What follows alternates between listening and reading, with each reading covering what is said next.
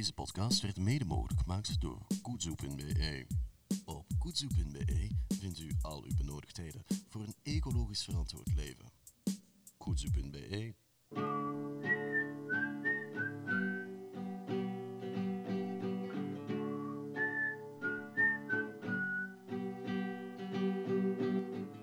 Welkom bij Ecolle. Een podcast over zero waste. En ik ben Veerle Kolle.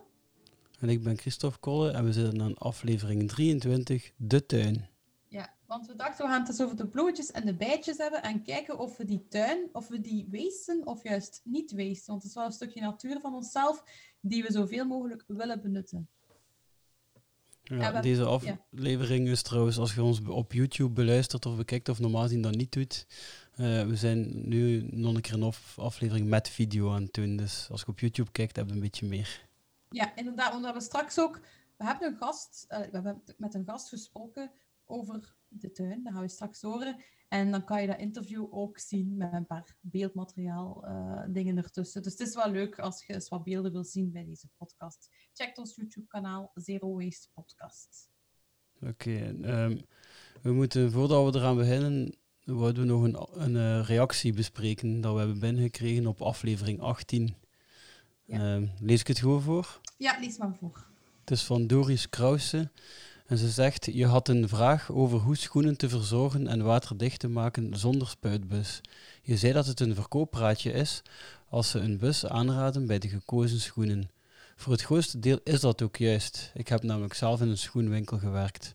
Maar al uw schoenen verzorgen met hetzelfde product is een heel slechte raad, vrees ik. Als je een product voor lederen schoenen op een synthetische schoen zet, staan ze snel terug in de winkel omdat het dan zal krakeleren.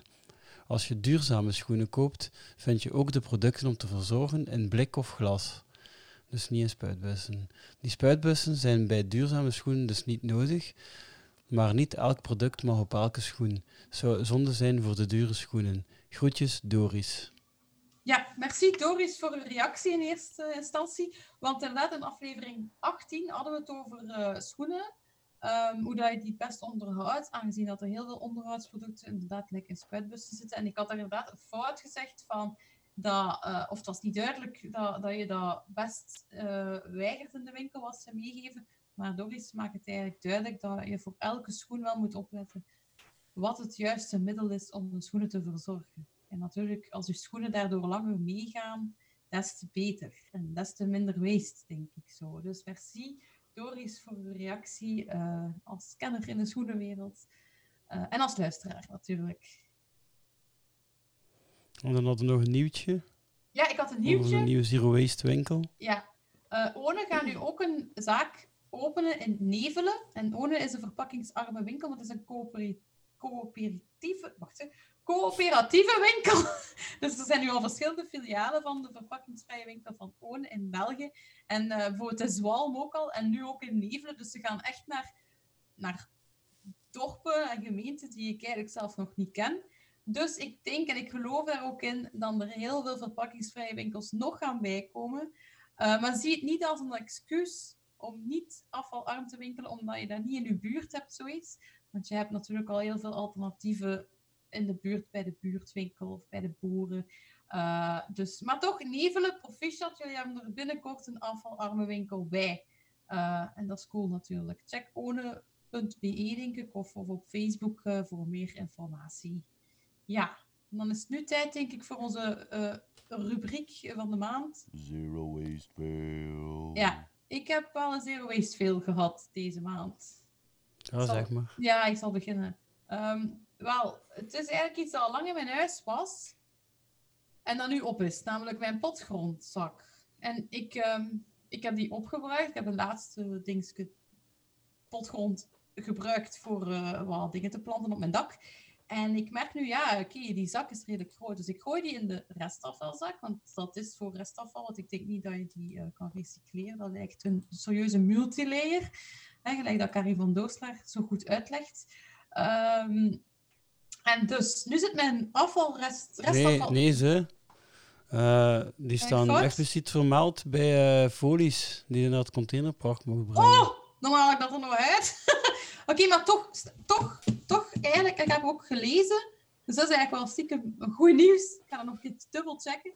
Maar ik heb ook gelezen ehm, dat je dus ook potgrond kunt bestellen inderdaad in je buurt. Dat sommige mensen dat hebben en dat je dat kunt scheppen in je eigen bak. Dus ik ben op zoek naar mensen uit Vlaams-Brabant die eh, zo weten waar dat ik dat zou kunnen halen. Want ik zou dat nog toffer vinden om gewoon een potgrond te gaan halen. Want ik heb dat niet vaak nodig. Ik heb maar een dak met een paar potten. Dus ik kan dat perfect op mijn fiets doen. Eh, dat ik gewoon wat potgrond ga halen of van mest of zo. eh, voor mijn plantjes. Als iemand weet waar ik daarvoor kan terecht gaan, ik zeg gewoon Vlaams-Brabant, dan is dat een grote regio. Dan mag die dat zeker laten weten. Maar ik ben wel al blij Christophe, dat je dat zegt, want ik ga dat een keer checken. Wie weet is dat gewoon folie en kan ik dat wel nog recycleren. Eh, maar nog altijd, de beste verpakking is geen verpakking natuurlijk. Heb jij het veel gehad? Ja, mijn veel is dat ik dus naar een zero waste winkel was geweest voor koffie en gemaald tot daar zelf. En gesteld de instelling kan van heel fijn tot heel grof. En hij stond eigenlijk te grof nu. En ja, die koffie, het lukt niet zo goed. Oei, dus het is te grof gewoon, je kunt het niet in je filter of... eh, Nee. En je het helemaal moeten wegsmijten, die koffie? Ik heb het zo'n beetje, ik zo'n beetje gemengd met nog lichter die ik nog had. En dan lukt het wel nog. Wij hebben hier een is handmaler, dus je kunt misschien een keer langskomen. als, Ja, eh, ik kan het nog een keer erdoor, corona. ja. ja. Ja, Ehm, ja want Ja, voor zoiets speciaal is- afspreken in coronatijden vind ik wel dat noezel. is een beetje stom. Maar het is niet, het is niet dat je koffie verloren verloren is. Het is eh, hoeveel het weet voor de volgende keer, natuurlijk. hè. Ehm, Oké, is het tijd voor de... Zero waste win. Ja, ik ken een win. Ik ken een win. Ehm, alleen een win. Ik heb ehm, al heel vaak eh, gehoord van mensen, ja, je kan ook je eigen deo maken. Heb je dat al gedaan? Eh, ik had dat nog niet gedaan. De reden was omdat ik al drie jaar met dezelfde deo-blok bezig ben. Die gaan namelijk heel lang mee. Maar ik wou dat graag doen. Dus eindelijk was mijn deo op. En heb ik zelf deo gemaakt. Is super makkelijk. Dus gewoon kokosolie, maïzena en eh, soda. En dan een paar etherische oliën die je fris vindt ruiken, zodat je toch wel een geurtje hebt die goed ruikt. En that's it. En ik heb een Hans pot gemaakt. Ik heb dat ook verdeeld in kleine potjes om mee te nemen onderweg voor mijn man, voor mezelf. En ja, het is zo simpel, het is zo goedkoop dat ik nu weet van, oké, ik ga dat gewoon zelf blijven maken. Want het, het voelt gelijk de deo die ik voordien had gekocht. En het werkt gigantisch goed. Ehm, dus ik, waarom vind ik dat ook een goede zero waste win? Omdat door de coronaperiode, we zitten nu binnen, hè, we zijn altijd aan ons pot, eh, merk ik gewoon dat ik veel meer dingen zelf ben gaan maken. En voor mij is dat een serieuze ehm, tijdswinst, omdat nu is het allemaal gemaakt en kan ik super lang daarmee verder doen. Maar ook, ja, je, geeft minder geld uit daardoor aan andere producten. En eh, ik heb nu zelf mij heel veel dingen leren maken op een veel snellere tijd. Dus de volgende keer weet ik hoe dat moet en moet ik niet meer dingen gaan opzoeken. Heb ik de producten in huis. Dus dat was wel echt een goede win voor mij geweest. En ik raad iedereen aan die nu zijn deo aan het opgebruiken is, als die op is, om dat ook eens zelf te maken. Gewoon eens kijken op internet hoe dat dan moet, want het is super, super gemakkelijk. Eh, en ik haal dat van de website van Truantia, het, ehm, het recept. Ja. Christophe, heb jij ook mijn, mijn win is dat eh, in onze tuin de sla het heel goed doet. ah. Dat, eh, dat, we, het, eh, dat we, we hebben zo'n een mini-serretje op poten en zo. En ehm daar sta ik maar half in de tuin. Maar die sla blijft, wel, het lukt ons om die te plukken en dat die zo gewoon teruggroeit en zo. Dus dat is vrij goed. En ook eh, de aardbeien Ja. komen eraan en die gaan talrijk zijn, hebben we al gezien. ja, ik En hoop de dat... rabarber doet gewoon nog wat, nog wat bessen en zo, dus dat is ook allemaal waste. hè. Ja, want als je dat zelf kunt... Want beste zit meestal altijd in een bakje, soms vaak nog altijd plastic, omdat het net geplet wordt onderweg. Hè. Maar je dat zelf kunt laten groeien in je tuin. We gaan het er straks nog over hebben, over je tuin, denk ik. Oké, gaan wij over naar het thema.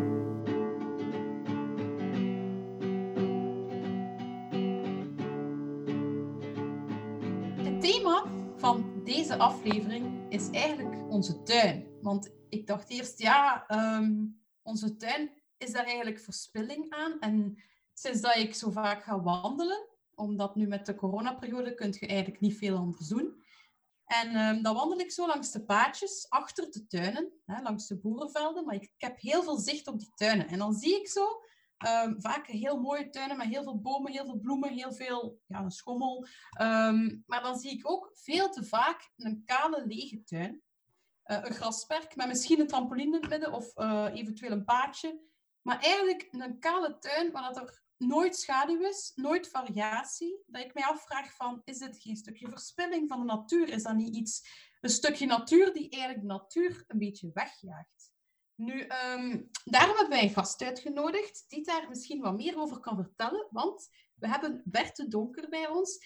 En uh, je kent hem misschien nog uit Het Goede Leven. Dat was een programma op VRT over de lochting, ofwel de moestuin. Uh, en daar heb ik Bert leren kennen als redacteur. Uh, ik was redacteur, Bert was kandidaat in de moestuin. En hij was ook imker en hij kon zo mooi vertellen daarover dat ik heel gefascineerd geraakte. Ehm, maar Christophe kende Bert ook al van ergens anders? Ja, al van veel langer geleden. We hebben samen in het middelbaar gezeten en een paar jaren ook in dezelfde klas zelf. Voilà. Ja. En voor de mensen die meekijken op YouTube, ik ga dat even delen dat Christophe wel degelijk in uh, dezelfde klas van uh, Bert zat. Oei, oei, dat was niet afgesproken. Oei. oei, oei, oei. Ja. Ik, Mm. Ja. Goed, um, we gaan terug de foto uh, stoppen met delen. Dan kunnen we ons uh, uh, weer focussen op onze tuinen. Want um, waarom heb ik Bert dus uitgenodigd? Hij is een heel creatief en inspirerend persoon. En hij kan ons zeker meer vertellen over hoe we dat stukje natuur van onze tuin een beetje kunnen helpen. Zowel voor onszelf als voor de natuur. En ondertussen richtte hij Kleinoot op. En op de site kleinoot.be staat ook wat dat is. Er staat, Kleinoot staat voor mooie handgemaakte gebruikskeramiek, verfijnde bijenproducten en inspirerende verhalen. En het is vooral voor die inspirerende verhalen dat we Bert er hebben bijgehaald. Dag Bert! Dag uh, Wele, dag Christophe. Goedenavond. Hallo. hallo, hallo, hallo. Ja, Bert, ik wou eerst even proficiat zeggen, want um, wij vragen altijd aan luisteraars om vragen binnen te sturen. En tot nu toe ben jij de gast met de meeste vragen die zijn binnengekomen. Er waren oh, echt een heleboel. Ja, Um, het zal misschien eerder het thema dan de gast zijn die, dat, uh, die, die vragen oproept. Veel mensen zitten thuis en, ja, en, de tuin is misschien nu iets meer aanwezig dan anders. Uh, ja. Maar bon, uh, ik, ik, neem de eer graag, graag op mij. Fantastisch. Daar zijn we heel blij voor, want wij zitten zelf ook met veel vragen en ik ga daarmee beginnen. Mm -hmm. Maar ehm, ja, om uzelf een beetje te leren kennen, is mijn eerste vraag eigenlijk: wat is voor u uw droomtuin? Wat staat er allemaal in en wat mag er zeker niet ontbreken? Goh, dat is een moeilijke vraag om mee te starten eigenlijk. Met een droomtuin die, ik zou bijna durven zeggen, die sluit zo dicht mogelijk aan bij de natuur. Dat is eigenlijk nu. Maar een tuin is geen stuk wilde natuur. Ik bedoel, daar mm. gaat als tuinier een beetje in ingrijpen. Dus ik vind het samenspel tussen de persoonlijkheid van de tuinier en toch zoveel mogelijk heel natuurlijke elementen. Ik vind dat dat vaak, als dat mooi samenkomt, dat dat vaak droomtuinen geeft. In verschillende stijlen. Maar voor mij zou die dus zeer natuurlijk moeten zijn. En eh, een beetje chaotisch. Heel veel diversiteit, heel veel verschillende dingen. Een beetje dingen door elkaar. Mhm. Maar, maar eigenlijk een soort weerspiegeling van wat de natuur kan bieden. Wat de natuur graag zou willen.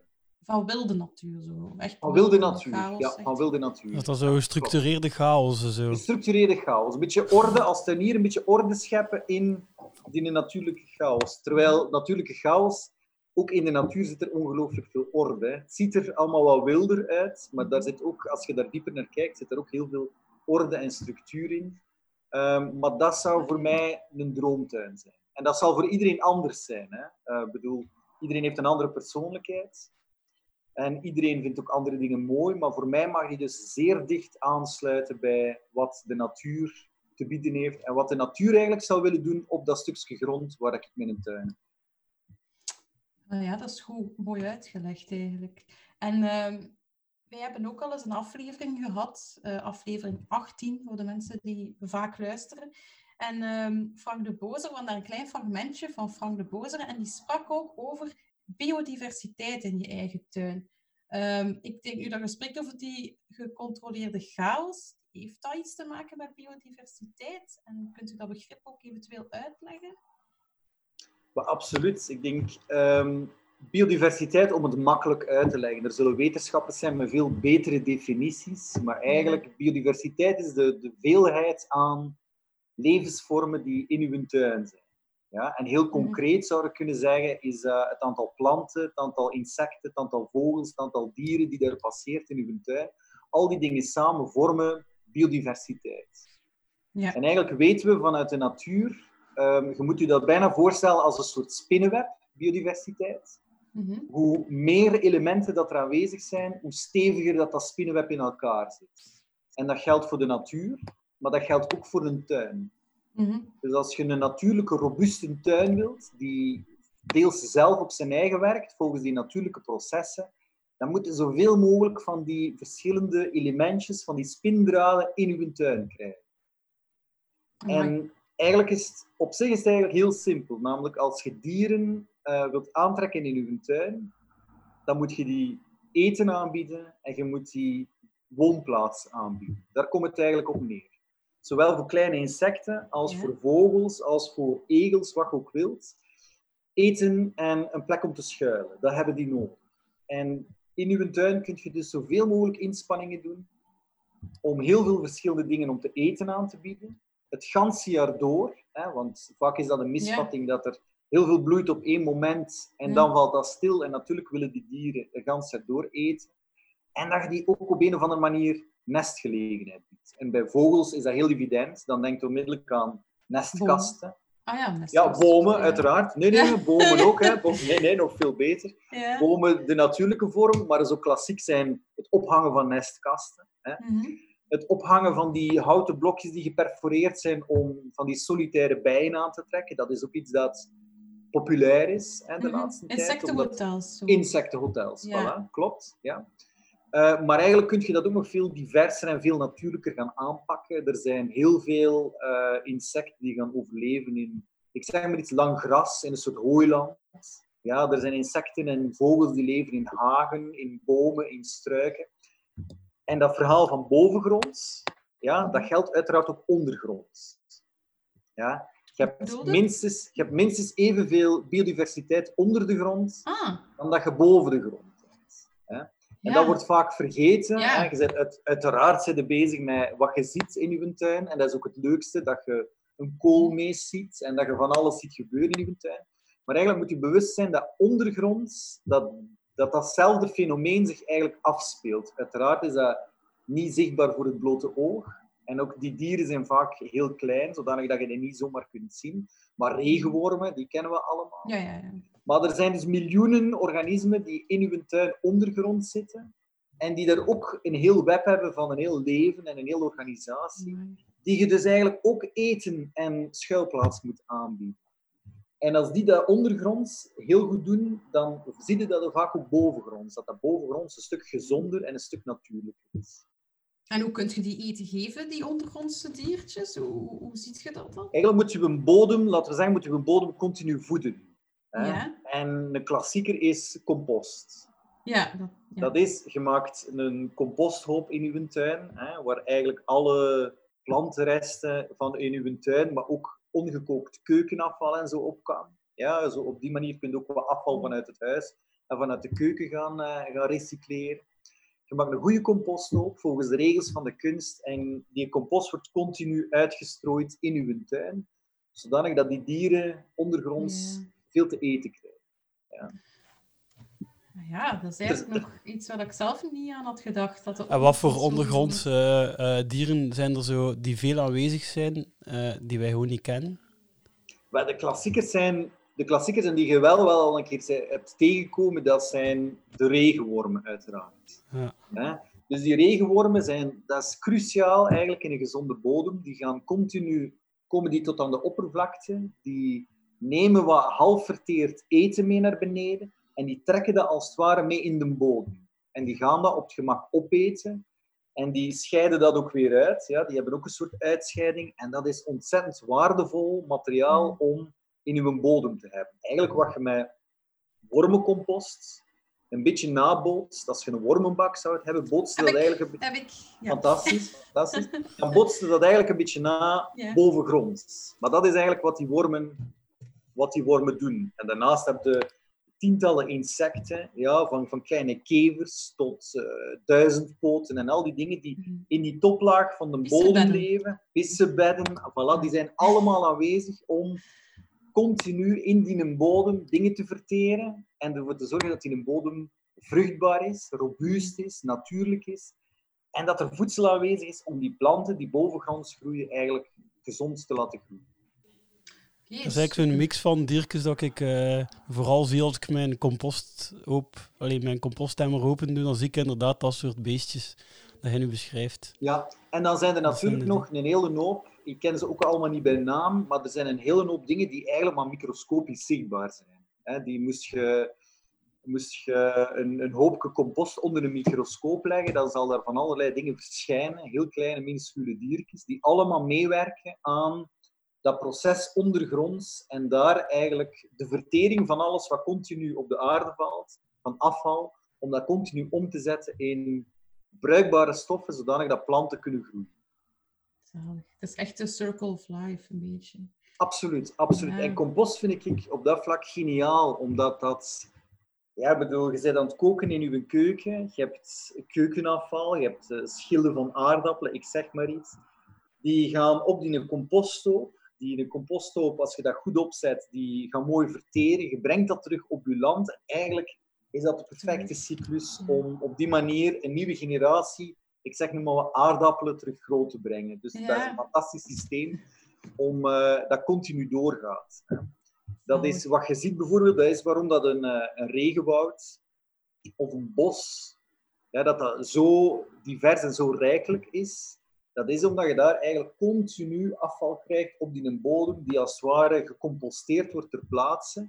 Waardoor dat je in het regenwoud hebt een ongelooflijk vruchtbare bodem, die dan ook weer bovengronds ja, talloze planten kan laten, eh, kan laten groeien. Hè. Dus, dat is, eh, dus het voeden van een bodem, dat, wordt, dat is echt cruciaal in een, in een natuurlijke tuin. Eh, maar dan... En dat dan meest door, te composten, door uw composten eh, goed te onderhouden en dat dan over het, eh, met uw toplaag te mengen. Ja, dat is, dat, is een, dat, is een al, dat is een belangrijkste. En eigenlijk hoeft je zelfs niet te mengen. Je mag ook gerust compost bovenop gooien. En die regenwormen onder andere, die gaan dat voor u eigenlijk van bovenaan ophalen en die brengen dan naar diepere lagen van uw Ah. bodem. Hè? Hmm. Dat, is, dat is cruciaal in een compost. Maar er zijn nog een aantal dingen. De natuur houdt bijvoorbeeld niet van kale grond. Je gaat dat in de natuur in principe nooit aantreffen. Je bedoelt dan zo'n grasveld? Nee, ik bedoel echt aarde, blote aarde. Ja. Ah, nee, daar dat- houdt, daar houdt de natuur niet zo. Nee, dat gaat in de natuur als je ergens een stuk eh, gras eigenlijk helemaal zou wegdoen en je zorgt ervoor dat dat blote aarde is, dan gaat de natuur ervoor zorgen dat dat onmiddellijk wordt ingenomen met nieuwe Mhm. Dus dat is ook iets om je bodem te verzorgen. Dat is, en je leert dat vanuit de natuur, dat is ervoor zorgen dat je eigenlijk zo weinig mogelijk blote aarde hebt. En in een moestuin, zeker in een klassieke moestuin, is dat nog wel een keer het geval. Dat Mhm. grote Ja. stukken helemaal bloot worden gelegd om eigenlijk te gaan zaaien en te gaan planten. Maar ook daar moet je gaan kijken om continu die bodem zo goed mogelijk bedekt te houden. Mhm. Zodanig dat ook daar, dat er, dat, en dat, dat helpt ook tegen, eh, tegen uitdroging, dat zorgt ervoor Ja. dat er eten in de bodem komt. Allee, dat heeft ongelooflijk veel voordelen. Dat maakt daarom die plant of die krop sla niet altijd kapot. Allee, die, eh, Absoluut niet, absoluut niet. Je moet er uiteraard voor zorgen dat die laag luchtig genoeg is. Want een bodem heeft ook veel zuurstof nodig. Hè, er moet zuurstof zijn, want die dieren die in die bodem leven, een deel daarvan heeft zuurstof nodig om te overleven. En dus je moet er wel voor zorgen dat dat, dat, dat een luchtige laag is. Als je daar eh, pakken gras op gaat leggen en je gaat dat helemaal gaan aanstaan, van, ja, dat is niet het ideale idee. Maar nee. meestal gaat dat met, met een beetje hooi, met wat stro, met... ehm, ze doen dat soms met karton, hè, met onbedrukte karton. Eh, met zo van die bruine natuurlijke karton. Die, eh, daar kun je gaan, bodem mee gaan bedekken. Dat verteert in principe relatief snel. En dat zijn allemaal luchtige materialen die ervoor zorgen dat er toch nog voldoende zuurstof in die bodem gaat. Ja, een van onze trucjes dat wij hebben, is eh, wij hebben vrij veel rabarber staan. En als wij dan rabarber plukken om te eten, die grote blaren, die leggen wij dan tussen eh, de haag. Ja. Zo op de grond ertussen, zodat daar niet te veel onkruid is. Dat is een goede, Dat is een, juist dat is, dat is een aanpak. absoluut, absoluut. Dat is een heel goede Oké. aanpak. Ja, ja, ja, ja. Ja. En eigenlijk kun je dat met heel veel dingen gaan doen. Eigenlijk met snoeiafval, met alles wat, wat je als afval hebt, kun je eh, tussen andere gewassen gaan leggen, zodanig dat die de bodem continu eh, Goed- bedekt is. Ja. Cool. Maar ehm, ik heb ook een persoonlijke vraag, want we hebben het hier nu over tuinen, maar zelf heb ik geen tuin. En veel van onze luisteraars blijkbaar ook niet, want ze vroegen eigenlijk een beetje hetzelfde. Van ja, kijk, ik woon in een stad of zo, of ik heb enkel een dak of een terras. Maar als ik dan toch de natuur wil helpen met dat klein beetje stukje buitenlucht dat ik heb, wat kan ik dan voor het best al zetten op mijn terras of op mijn dak? Of wat kan ik wel doen om toch maar iets van eh, hulp te bieden aan de natuur? Wel, om, ik, ik zou kunnen zeggen, uiteraard, hoe groter dan een tuin is, hoe beter dat dat natuurlijk systeem werkt. Ja, dat dat in een tuin op een gegeven moment zichzelf, zichzelf een beetje begint te reguleren. Ja, als je op een gegeven moment over heel grote tuinen spreekt, ja, dan krijg je op een gegeven moment roofvogels, die dan konijnen gaan pakken. En zo krijg je echt heel, dat, heel die levenscyclus die Ja, zich dan heb je landgoed al, hè? Maar dan heb je landgoed. ja. Ja, dan, dan spreekt je over echt, maar ik woon op platteland. Hè, dus hier zit je net iets meer... ehm, Ja, ja. ja Gro- ik heel ook. grote tuin. Ik heb er zelf geen. Hè. Dat type tuin heb ik zelf niet, voor alle duidelijkheid. Mhm. Ehm, hoe kleiner dat de tuinen zijn, uiteraard, hoe minder dat dat natuurlijk proces, dat natuurlijk evenwicht zichzelf kan Mhm. gaan installeren. Maar je kunt ook op superkleine ehm terrasjes of balkoontjes kun je bepaalde dingen gaan, eh, Ja. planten gaan plaatsen. Zodanig dat bijvoorbeeld insecten, je hebt, een- hebt insecten die maar heel kleine afstanden per dag kunnen afleggen, Mhm. dat die als het ware van tuintje naar tuintje kunnen migreren. Hè. In, ze noemen dat eigenlijk stapsteentjes. Dat je allemaal overal in de stad van die heel kleine vlekjes groen hebt, zodanig dat een vlinder of, of solitaire bijtjes of eh, zelfs spinnen heel voorzichtig van stukje naar stukje kunnen zich verplaatsen. Als daar te grote afstanden tussen zitten, dan kunnen die zich niet verplaatsen. Ja. Ik Ja. denk ehm, een goede klimplant bijvoorbeeld, dat is echt iets voor stedelijke omgeving, omdat je daar heel weinig ruimte voor nodig hebt. Ehm, ook aan de straatkant kunnen die gaan zetten, maar ook op een Mhm. terrasje. Eigenlijk door in de hoogte te gaan werken, kun je oppervlakte creëren die je even- ho- hor- horizontaal niet hebt. Ja, zeg maar. Ja, wel een klimplant, maar bijvoorbeeld als ik op een dak zit, ik kan die niet echt laten wortelen dan.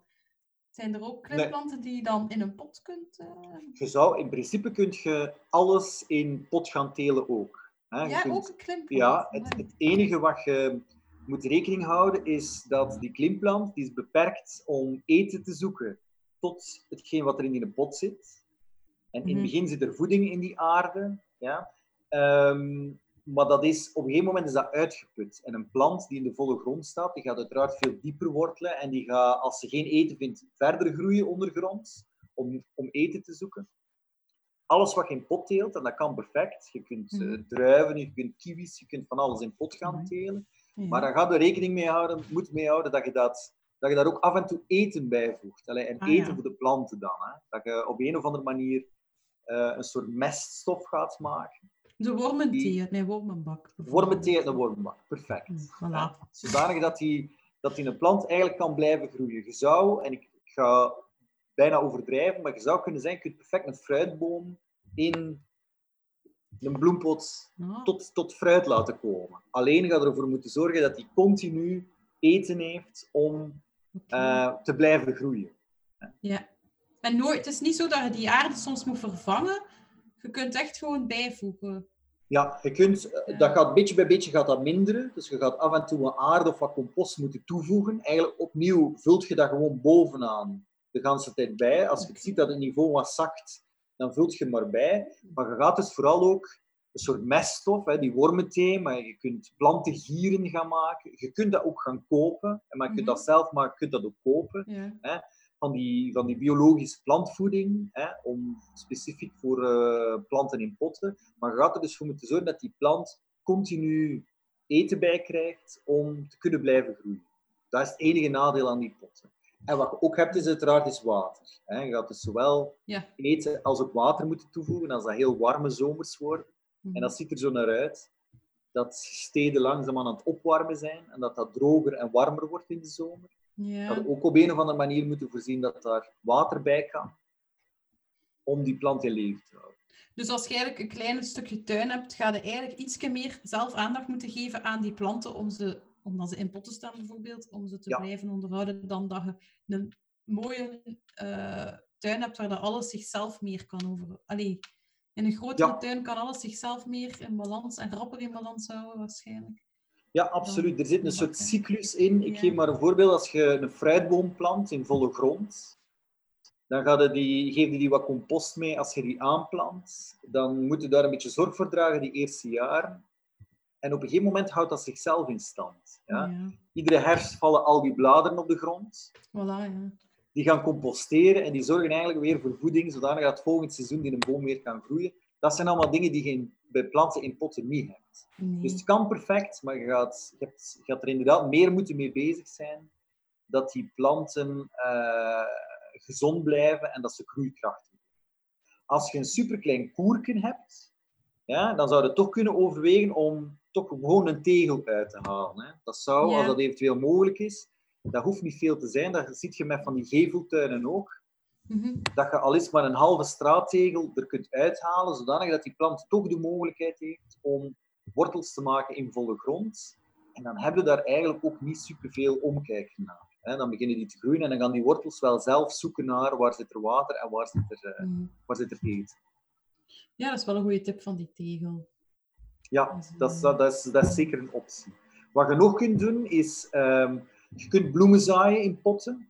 Mhm. En daar gaan je ongetwijfeld bijen en vlinders ook midden in de stad mee aantrekken. Zodanig dat die op een balkonnetje een, een klein beetje bloemenmengsel inzaaien. Dat je een periode lang bloemen hebt op je, eh, op je balkon. En dan zie je zeker eh, wel een keer een bij of een, een hommel of een vlinder passeren. Ja, dat, dat, dat kan zeker. Eh, mensen met een koerke die zouden ook over, kunnen overwegen om bijvoorbeeld een tijlke met water te plaatsen. Hè. Water trekt ook heel veel leven aan.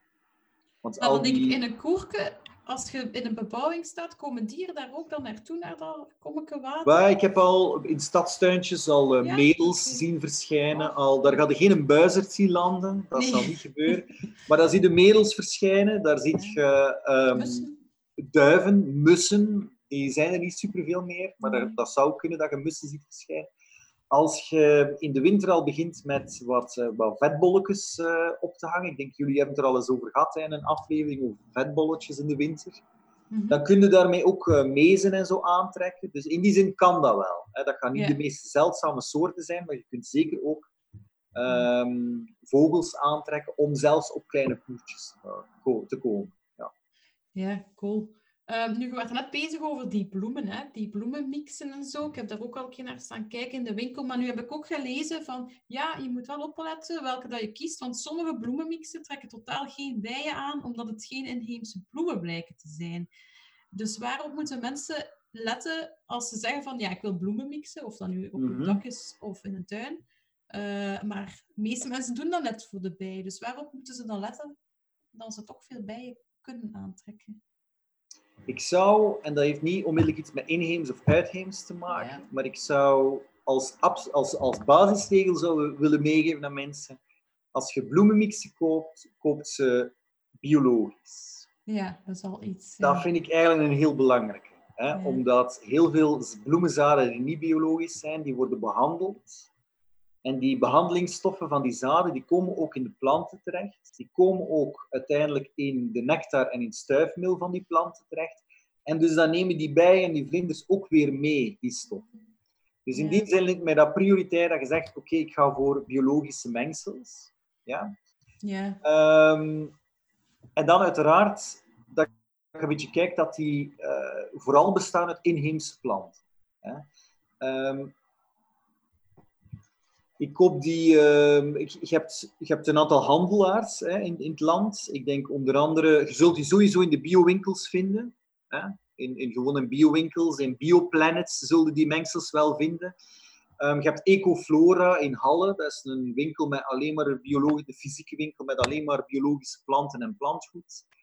Ehm, in Gent weet ik. Nee, in Gent heb je Blom, hè, Blom, de bloemenwinkel. Ah, ja, ja, ja, ja dat ken ik Die, ook. Die onder andere van die zaadbommen en, en zadenpakketten Ah. maakt. Hè. Dus die, dat ze, die gaan dat ook biologisch gaan, eh, gaan organiseren. Dus ik denk dat er op zich wel, ik denk Akker en Ambacht zit in Gent. Die hebben een aanbod, eh, biologisch eh, bloemenzaden. Dus ik, ik veronderstel, er zijn er best veel, zo, waar, dat je die, waar dat je die vindt. En als je zegt van ik, ik bestel die op internet, dan is dat even te googlen. Biologische bloemenweiden. En dan krijg je onmiddellijk eh, de, de, de pakketjes. Ik denk dat dat op zich wel, zeker als dat biologisch is, dat dat wel meevalt. Dat een groot deel van die planten, dat dat inheems is. Hè, dat, Ja. dat mensen die die pakketten samenstellen, dat die er wel op letten om zoveel mogelijk inheemse planten daarin te steken. En ja, ik zag hier even een Eh. boodschap verschijnen, maar... De, Is de, weg. dat de, Eh. ja, het is alweer weg. Ja. Ja. Ehm, Dus moest dat eh, oplossen. En dan, eh, wat ook een belangrijke is, is denk ik dat je, je hebt bij sommige leveranciers heb je onderscheid in bloemenweides voor zandgrond, bloemenweides voor kleigrond. Dat, dat je ook een keer kijkt van, wat heb ik in mijn tuin?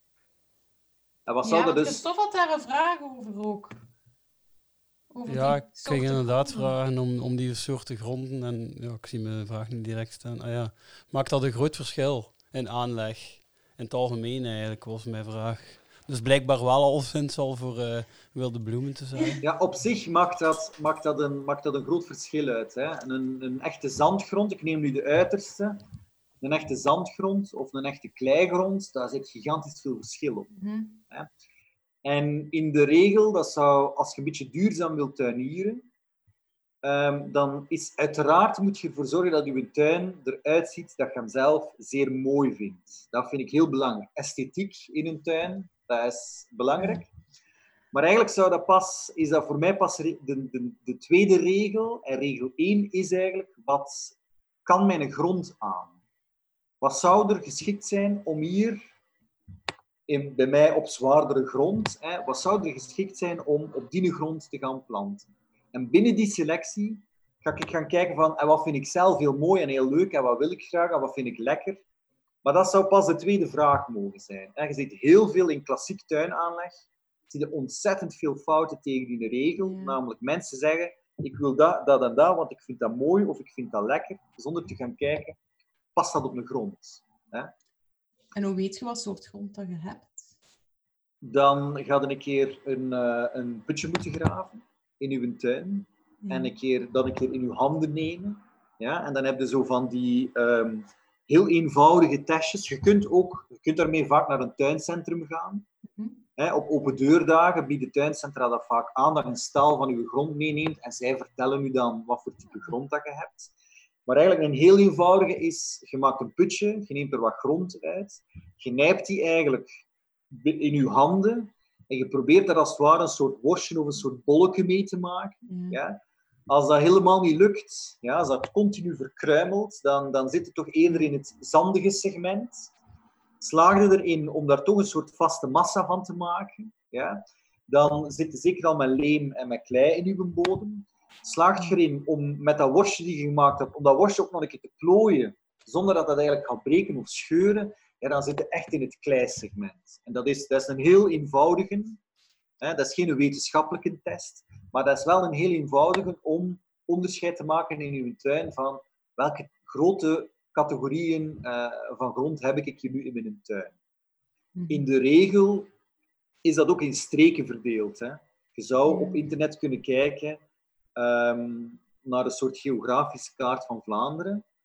En dan ga je zien dat bepaalde streken allemaal een bepaalde kenmerkende bodem hebben. In die zin, als jij zand hebt in je tuin, moet er vanuit gaan dat je buurman links en rechts die gaan dat ook hebben. Het is niet zo dat jij zand gaat hebben en ineens eh, dat die een buurman op een heel zware kleigrond zit. Zo werkt dat niet. Hè. Dus je kunt, eh, ik denk dat regio Gent, hè, daar zitten jullie en, en de, veel van jullie luisteraars, hè, dat ligt in die Vlaamse zandstreek. Ja, dus in, de- in de regel, denk ik, zijn dat vooral, voor- vooral zandige bodems. En zandige bodems zijn, op, ik vind alle bodems zijn goed. Hè. Dat, er is, je kunt niet zeggen van een ene bodem is beter dan een andere, maar ze hebben allemaal voor- en nadelen. Een zandige bodem heeft het grote voordeel van, die is goed waterdoorlatend. Ja, als het heel Ja. veel regent, kan dat water er snel door. Ja. En die warmt ook relatief snel op. Dus zandige bodems zijn bodems waar je als tuinier relatief vroeg in het voorjaar al kunt beginnen tuinieren. Ja? Dat water is al wat weg, die krijgen al wat warmer en je kunt beginnen zaaien en planten en van alles gaan doen. Ehm, het nadeel is uiteraard dat in die droge periodes in de zomer, dat uw waterreservoir in uw tuin ook sneller is uitgeput. Dat planten veel dieper moeten wortelen om voldoende water. En dus in tegenstelling tot zand, het andere uiterste zijn die kleibodems, die natte, koude bodems, ja, die heel moeilijk bewerkbaar zijn in het voorjaar. Dat duurt heel lang tegen dat die bewerkbaar zijn. Dat zijn die typische bodems waar dat je als je maar naar buiten gaat en je doet je botten aan, dan na een half uur komt je terug binnen Ja. en er hangt, er hangt een kilo van die grond aan je botten. Dan weet je dat je van die, op die zware gronden zit. Ehm, dus dat duurt een tijdje langer tegen dat je in het voorjaar kunt beginnen tuinieren. Het grote voordeel van die bodems is uiteraard dat je nu met die klimaatopwarming en met die heel droge zomers, dat je beplanting er veel robuuster op staat. Dat die veel langer een eh, voorraad aan water daarin hebben, omdat, dat, omdat die gronden veel meer water bijhouden. En dat die planten dus veel minder afzien in die droge, bo- in die, ehm, in die droge periodes. Oké. En dus in principe, en in principe vragen die bodems ook andere planten. Hè? Je hebt planten die het zeer goed doen op zandbodems, maar die het niet goed doen op kleibodems en omgekeerd. En je hebt ook allrounders, uiteraard. Je hebt een hele grote groep die wel met beide kan. Hè? Zeker alles wat een beetje, ehm, alles wat natuurlijk eh, hier voorkomt, ja, van die haagplanten. Eh, die kunnen zowel op zandbodems als op van die kleibodems. Maar als je specifiek naar tuinplanten gaat, hè, naar bloemen en naar groenten, heb je er echt die veel liever op zandgronden staat en andere die veel liever op van die kleigronden staan. En kunt je dat ergens vinden? Of staat dat op dat pakje van de zaad dat je koopt? Ja, dat staat op. Ah, Je hebt van die universele mengsels, ja. maar je hebt ook echt mengsels waar dat gaat bijstaan, geschikt voor zandige gronden of geschikt, geschikt voor zware grond of voor klei- of leemgrond. Je hebt er ook leveranciers die eh zonnige, zonnemengsels hebben en schaduwmengsels. Als je zegt, ik kan dat wel inzaaien, maar ik heb niet superveel zon. Ook daar zijn tegenwoordig mengsels voor, die ook bloemen gaan geven in de schaduw.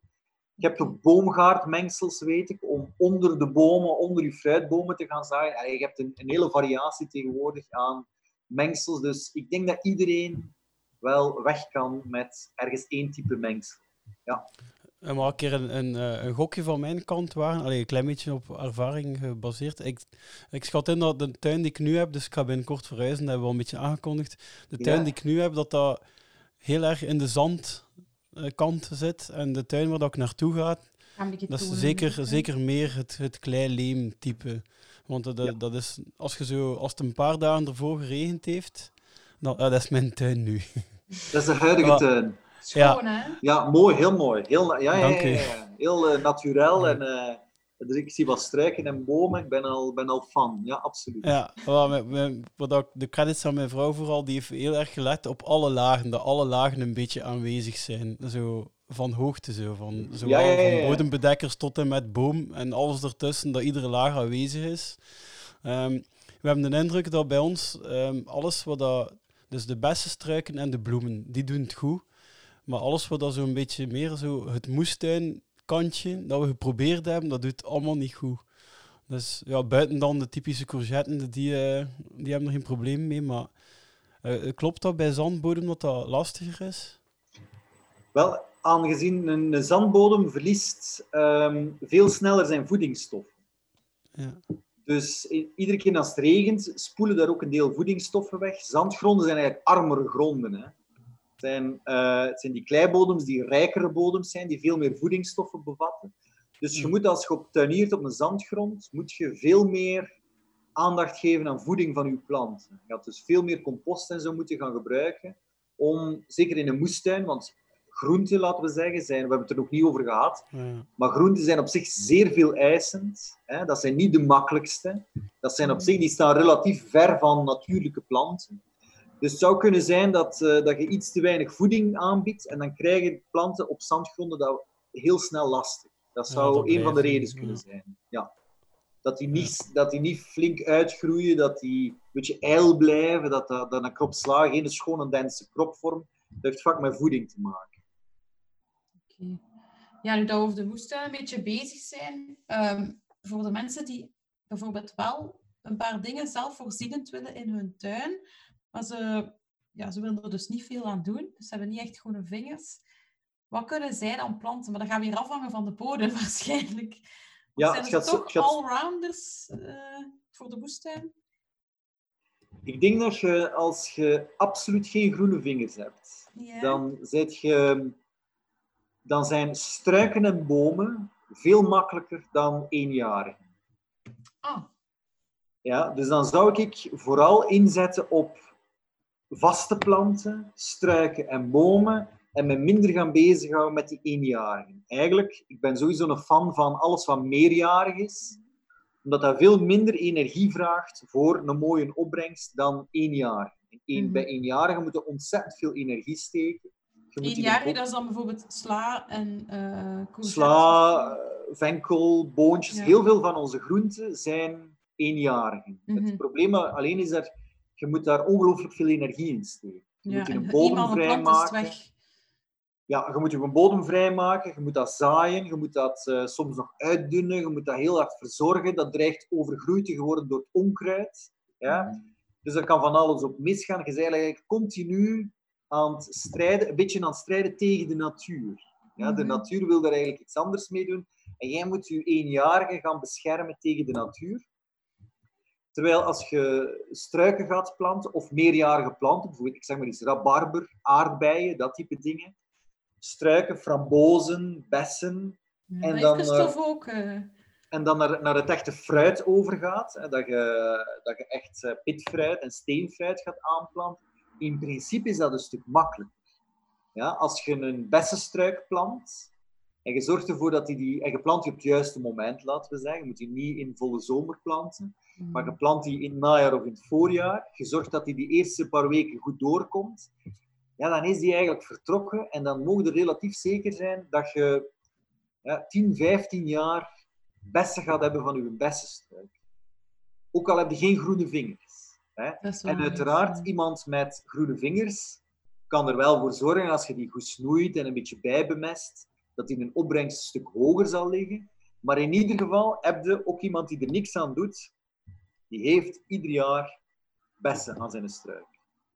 Is ja. En, en vandaar vind ik, zeker voor beginnenden, moet je gaan kijken naar dat type die je ene keer plant, daar wat aandacht kunt aan geven, en die voor de rest een beetje een plan trekt. Dus ik heb rabarber genoemd, dat is, dat is de klassieker, maar dat werkt zeer goed. En een keer dat hij die eerste weken doorkomt, zijn er vertrokken voor 10, 15 jaar rabarber. Hè? Aardbeien vind ik een heel interessante. Ja. Dat, is ook, dat is ook een soort eh, luxe product, dat is super gezond, dat is super lekker. Dat groeit op Eh, mijn dak. Dat wil ik even zeggen. Ah ja, ja, maar dat is leuk. Ja, en, en, het leuke is, eh, aardbeien hebben ook de neiging om zelf de bodem te bedekken. Hè, dus herinner u wat ik daar juist zei over die blote bodems. Ja, aardbeien gaan dat eigenlijk zelf gaan toegroeien en je hebt er nog fantastisch lekkere vruchten van. Als je toch zegt eenjarigen, ik ga met echte klassieke groenten aan de slag. Ja, goh, dan vind ik ehm, boontjes bijvoorbeeld vind ik niet super moeilijk. Ik denk dat dat Mhm. toegankelijk is. Ja, eh, als je dat zaait, in de regel, dat komt makkelijk op, dat komt snel op. Ehm, en je hebt daar altijd wel wat opbrengst van. Er zijn niet superveel insecten die je bonen gaan aanvallen. Hè. Dus die boontjes vind ik makkelijk. Courgettes, Christophe zei het al. Ja. Courgettes doen het goed. Hè. Dat is als je Ja. die plant en je, en je krijgt die door die eerste twee, drie weken, dan heb je courgettes voor maanden in de zomer, hè, vaak te veel. In dezelfde familie zitten pompoenen. Ja. Pompoenen vind ik relatief makkelijk. Hè. Je, je zou die- soms op de composthoop. Zo. Voilà, voilà. Ja. Om, maar aan te om maar aan te geven hoe makkelijk dat kan zijn. Die hebben, wel, die hebben wel wat eten nodig, alleen wat voeding nodig. Maar als je die voorzaait in potjes en je zorgt ervoor dat dat eerst al een beetje plantjes worden in potjes en nadien planten die uit op uw composthoop of ergens in Mhm. de tuin, dan kan dat eigenlijk niet meer misgaan met pompoenen. Hè? Mhm. alles wat dan heel fijn is, ja, dat is toch al meer, vind ik, voor de gevorderden. Of voor mensen die bereid zijn om er toch meer tijd en energie in te steken. Hè. Als je worteltjes gaat zaaien, dat vind ik al een van de moeilijker dingen. Ja, dat is toch dat superklein zaad. Dat, dat duurt twee, drie weken voordat dat opkomt. Tegen dan is dat vaak al helemaal met onkruid overwoekerd. Ja. Dan moet je dat beginnen uitdoen. Dan zijn er daar van allerlei vliegen en insecten die heel graag die wortels gaan opeten. Dus eigenlijk, dat is, dat is, dat is ongelooflijk moeilijk eh, om zo'n dingen te gaan telen als je geen groene vingers hebt. Hè, dus Ja. je, zit, je zoekt het dan beter een beetje in die, in die robuustere dingen. Ja. Oké. En eh, zijn er nog dingen die je nu nog kunt beginnen zaaien? Want we zijn nu eind mei. Nog veel eigenlijk. Hè. Je, Ja? kunt, eh, je kunt nog relatief veel gaan zaaien. Eigenlijk moet je, in, als je in een tuin werkt, dan verandert alles met de 21 juni. Hè? Dat is, Dat is een- ijs... dat is de- Nee. de zonnewende. De zonnewende. De zonnewende, 21 juni. De, de ijsschellingen zijn nu, hè, die zijn gepasseerd. Hè. Ja, ja. Ehm, maar de, de, de zonnewende is eigenlijk het moment dat ehm, tot 21 juni worden de dagen alsmaar langer. Mhm. En vanaf 21 juli worden de dagen terug korter. Hè. En voor Mhm. planten is dat ongelooflijk belangrijk. Zolang dat je alles plant en zaait voor 21 juni, beginnen planten te groeien in de periode dat dagen aan het lengen zijn en dat geeft planten Meer goesting om te groeien. Ja, ja. Als alles wat gezaaid wordt na 21 juni, ja, die groeien onder de dagen die korter worden. Ja, en die hebben dus iets minder zin om te gaan groeien. En je hebt, ik, ik schets het nu heel makkelijk, hè, want je hebt planten die er beter mee overweg kunnen dan andere. Maar dus eigenlijk voor 21 juni kun je nog continu een Oké. volle bak doorgaan. Uiteraard, er zijn een aantal dingen die veel tijd in beslag nemen om te groeien. En dat betekent dat je relatief laat in het jaar gaat zijn. Je kunt nu Ja. perfect tomaten zaaien. Ja? Maar dat betekent dat je je eerste tomaten waarschijnlijk pas gaat hebben in september. Ja, ja, ja. ja. Hè? Vandaar dat mensen die tomaten kweken, die hebben die al vaak in februari, maart gezaaid. Die planten ze nu buiten om, laten we zeggen, binnen een maand al de eerste tomaten, echt in de volle zomer tomaten te hebben. Maar in principe kan dat. Kan dat. Voor, voor de natuur is dit nu de perfecte periode. Het is warm, het is niet te warm, de bodem is nog wat vochtig. Dus je, kan van allerlei, alle, je kunt van alles gaan planten en zaaien, eh, wat je maar wilt. Zalig. En wat heb jij in uw moestuin eigenlijk staan? Oh, Ik heb op dit moment relatief veel staan. Dus het is een schone periode. Hè. De maand Ja. mei is echt een, een heel mooie periode. Ik heb in, in de loop der jaren ehm, wel een beetje een transformatie ondergaan als moestuinier. Waarbij dat vroeger dat ik heel graag zo goed als alles had. Hè, dat ik eigenlijk bijna zelfvoorziend was op vlak van groenten. Is dat nu, merk ik, zijn heel veel plekjes in mijn tuin ingenomen door bloemen. En dat heeft alles met mijn bijen te maken, Ja, uiteraard. Hè? Dat ook die moeten eten hebben. En dus eh, stukken moestuinen raken langzaamaan ingevuld met bloemen en vaste planten. En ook wat kleine fruitboompjes zijn er gekomen. Dus het oppervlakte om groenten te telen, die vermindert. En eigenlijk zet ik nu vooral in op alles wat ik zelf heel graag dagvers heb. Waar ik moeilijk biologisch snel kan aanraken of waar ik veel te ver moet voor rijden. Ehm, dus ik heb heel graag de ganse zomer door verse sla. Ik, Om Mhm. iedere dag sla te eten. Dus ik heb heel veel stukjes met sla, en dat is snijsla en kropsla en ijsbergsla en van alles eigenlijk om, om sla te gaan eten. Ik eet zelf super graag venkels, dus er staan heel veel venkels. Een deel laat ik dan ook staan, die gaan dan doorschieten en die geven prachtige bloemen. Dus die mogen blijven staan voor de bloemen. Ehm courgetten uiteraard, hè, die moeten nog beginnen, maar die plant staat er. Eén plant is genoeg om een ganse zomer lang superveel courgettes te hebben. De pompoenen zijn er, de tomaten zijn er, de eerste paprika's zijn er, allee, de planten zijn er, nog geen vruchten, maar de planten zijn er. Ik heb heel veel aardbeien, Ja. omdat ik dat ook zo'n luxe product vind. En omdat dat mooi onder mijn bessenstruiken door die oppervlaktes tussen bessenstruiken eigenlijk mooi opvangt. En eh, Ah. ook daar heel veel vruchten geeft. Mhm. Hè. Die, eh, die groeien zeer goed in een zo'n beetje halfschaduw. Ja. Eh, dus Ah, aardbeien... bij ons groeien die ook tussen de bloemen. Ah ja, ja, absoluut. Je kunt die eigenlijk gebruiken om ja, hier en daar zo stukjes te laten opvullen. Hè. Natuurlijk, als die in volle zon staan, zijn die vruchten vaak iets groter en iets sappiger. Ah, ja. Maar de klassieke, de aardbeien, die komen eigenlijk allemaal van de bosaardbeien en die groeien in de bossen hè, of, of in de half schaduwranden. Dus aardbeien kunnen dat perfect ook zo onder boompjes en onder struiken gaan doen. Zolang dat ze niet in volle schaduw staan, eh, werkt dat heel goed. Dus dat zijn zo'n beetje de dingen die ik staan heb. Heel veel frambozen. En frambozen zijn ook niet zo moeilijk. Een keer, die hebben de neiging om zelf heel veel ehm, plaats in te nemen.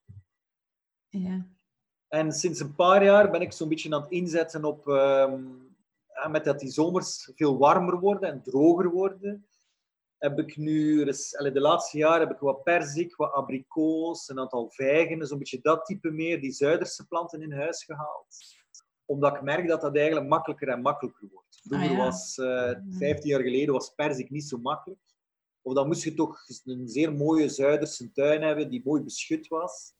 En je merkt je eigenlijk dat perziken en abrikoos, dat dat overal een beetje begint te lukken. Vijgen, dat is een delicatesse. Dus nu begin ik ook meer en meer artisjokken. Denk ik ineens aan. Dat is ook zoiets dat een beetje meer warmte nodig heeft. Dat doet het ook supergoed nu in de tuin met die warme zomers. Dus er zijn Ja, dat wordt opties goed, hè? genoeg. Dat wordt wel wat groot, ja. Dat is, maar dat heeft, dat, je kunt dat als groente gaan oogsten, maar dat is eigenlijk ook een heel mooie plant. Ja, bij ons stond, stond er zo één loebas tussen al de, al de rest vorig jaar. Maar dat is ook heel, ik vind dat ook heel mooi om naar te kijken. Ja, en, ja. En, en oogst je niet alle, niet alle artisjokken, dan heb je prachtige bloemen. Dus in die zin is dat een plant die ontzettend veel te bieden heeft. En die beter en beter begint te doen. Op, eh, met die warme zomers, dat is absoluut een aanrader voor de toekomst. Vroeger had de klassiek in Vlaanderen de kasdruiven. Hè, in de regio Overijse had de Ja, tafel, tafeldruiven, maar die Ja. kwamen allemaal uit Serres. Ja. Terwijl dat je nu bij heel veel mensen thuis op pergola's en dingen oh, alles van druiven ziet verschijnen. En dat doet Ja, ja, ja. ontzettend goed. Hè? We, we zijn intussen ook een beetje een wijnland aan het worden. Dus je merkt, je, moet als, je kunt als tuinier een beetje meesurfen op, op die veranderingen. Hè? Je moet je een beetje aanpassen moet, aan ja. klimaat en aan de omstandigheden die mee veranderen. En wat voor bodem heb je zelf? Ik heb hier zelf een vrij zware bodem. Eh, Klei, klei meer. Een beetje Leem. de me- leem, ja, lemig en er zit Mhm. zelfs wat kleifractie in. Ja. Ik heb mij ooit, ik heb zelf landbouwschool gedaan vroeger, de biologische landbouwschool, en ik heb mij ooit laten vertellen dat je dat, je dat kunt zien aan je handen. Dat, welk, type, welk type tuinder dat je bent. En dat als je grove handen hebt, met iets dikkere vingers, dat zijn de mensen die eigenlijk gemaakt zijn om op die zwaardere gronden te, te gaan werken. En als je van die lange, smalle, spichtige handen hebt, met van die smalle, lange vingers, Dat is dat dat de eerdere type is die ge, geneigd zou moeten zijn om op zandgronden te gaan tuinieren. Dus ik weet niet, eh, misschien dat luisteraars dat een keer moeten bekijken. Ja. En, dan, en dan eventueel verhuizen als dat niet past. eh. Ja. Ehm, ja, ik wou het eigenlijk nog kort even ook hebben over uw, naast uw moestuinpassie en uw tuinpassie, over uw andere passie, namelijk je bent al heel lang imker. En waar komt die passie vandaan voor de bijtjes? Ehm, ik had, ik moet eerlijk zijn, ik had die als kleine jongen niet. Ik, ik was wel heel hard... Misschien, eh, Ja, ik, ik was wel heel hard geïnteresseerd in natuur, maar niet specifiek in bijen en al zeker niet in honingbijen. Maar toen heb ik eh, als twintiger, wat veel twintigers doen, dat is gestudeerd af en je bent nog super jong en je, je hebt dan een diploma, maar je weet ook niet super goed wat je ermee wilt gaan doen. En je vraagt jezelf af, heb ik het juiste gekozen? En je begint aan alles te twijfelen en je ziet niet direct een toekomst in de werkwereld. Je bent nog net iets te jong om te gaan werken.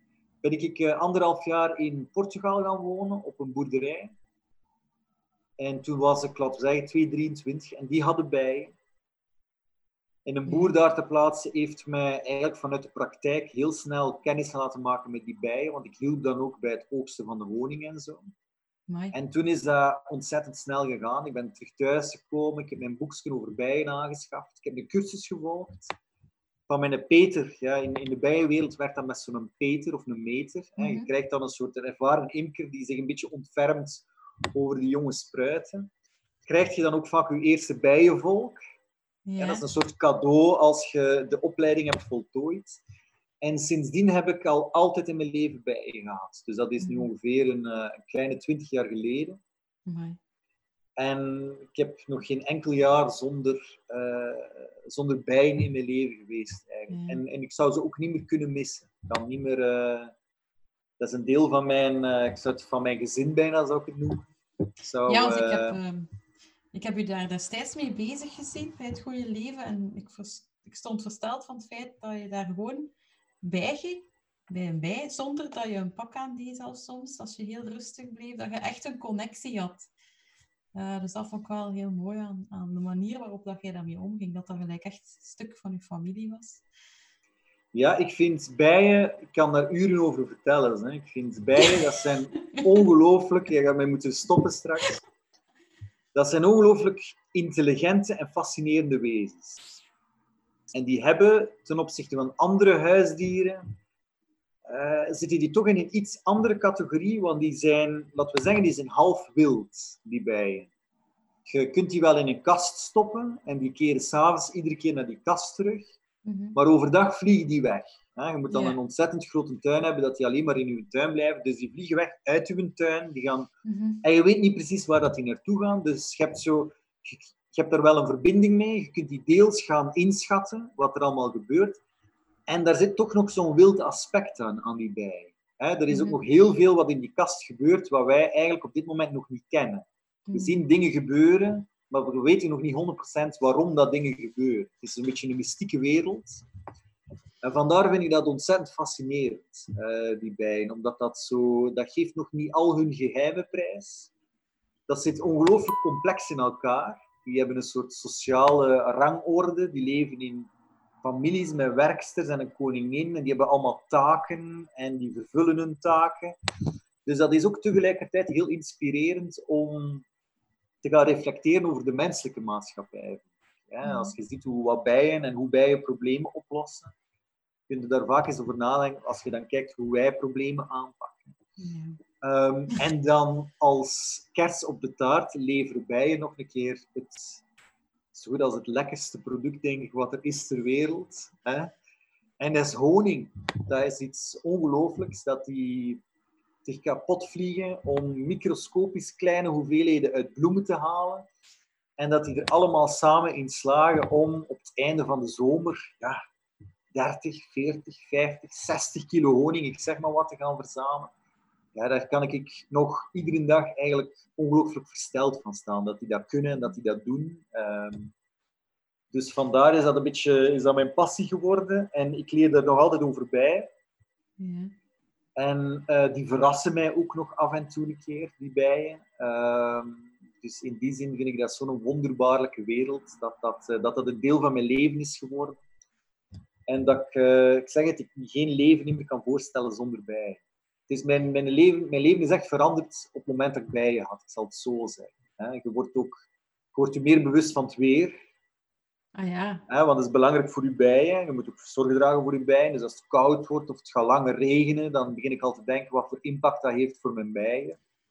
En uiteraard de bloemen en planten. Hè. Je bent continu bezig met bloemen en planten om ervoor te zorgen dat vanaf dat je bijen vliegen, februari, maart ergens, totdat ze weer voor de winter samen in de kast kruipen, en dat situeert zich ergens oktober, november, dat die in die periode zoveel mogelijk te eten hebben dat die gezond zijn, dat die eh, reserves kunnen aanleggen. Dus je begint ook op een andere manier naar je tuin, naar eh, de natuur in je omgeving te kijken. Dus eh, het is op heel veel vlakken is dat een ongelooflijke aanrader.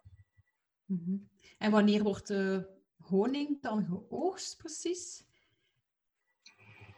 Wel, dat, kunt je een beetje, dat hangt er een beetje vanaf. Iedereen imker heeft zowel zijn strategie. Ehm, in de regel heb je twee, in Vlaanderen, in onze streken, heb je twee honingoogsten, of mogelijkheden om honing te gaan oogsten. Maar je gaat klassiek, gaan we nu ongeveer de eerste keer oogsten. Dat is zo tweede helft mei. En dat noemen ze de voorjaarshoning, de lentehoning. En dat, Ja, komt, ja, ja, voor, dat dat- komt vooral van fruitbomen bij ons in Vlaanderen. Eh, paardenbloem zit daar ook in, maar vooral veel fruit zit daarin. Kersen, appels, allee, dat, dat, dat proeft je ook in hun honing. Die is zeer fruitig van smaak. En dan gaan andere dingen gaan bloeien. Hè. In, eh, dan gaan meer de bomen gaan bloeien bij ons. Dat zijn de lindes, de kastanjes, de acacias. Dat type bomen gaat beginnen bloeien. En dan kun je dat in principe een tweede keer gaan oogsten. En dat noemen ze dan de zomerhoning. Die is een beetje donkerder van kleur, die is meer lopend, die is niet zo wit en zo opgesteven als voorjaarshoning. Ehm, En die proeft ook een beetje zwaarder, vind ik. Dat is minder fruitig, maar dat is, dat je proeft daar als het ware een beetje meer het bos en de bomen in, in die honing. Ehm, zelf zit ik daar een beetje tussenin. Ik heb de regel om... Ik oogst zelf alleen maar de overschotten. Dus ik laat bijen continu een grote hoeveelheid honing in hun kast, want ze hebben dat zelf nodig om te overleven. Ja. En eigenlijk maar als er gigantisch veel is, dan permitteer ik mij om daar een heel klein beetje van te oogsten. Mhm. En dat situeert zich ergens in de maand juni. Dus ik mix zo'n beetje... En, en die honing heeft dan ook zo'n beetje de smaak van een mengeling van die voorjaars- en Ja. prille zomerhoning, zal ik zeggen. Kijk, dat is cool. Ehm, ik heb nog een vraag, omdat ik dat nog altijd veel te vaak hoor bij mensen die niet zo goed verschil kennen tussen een wesp en een bij.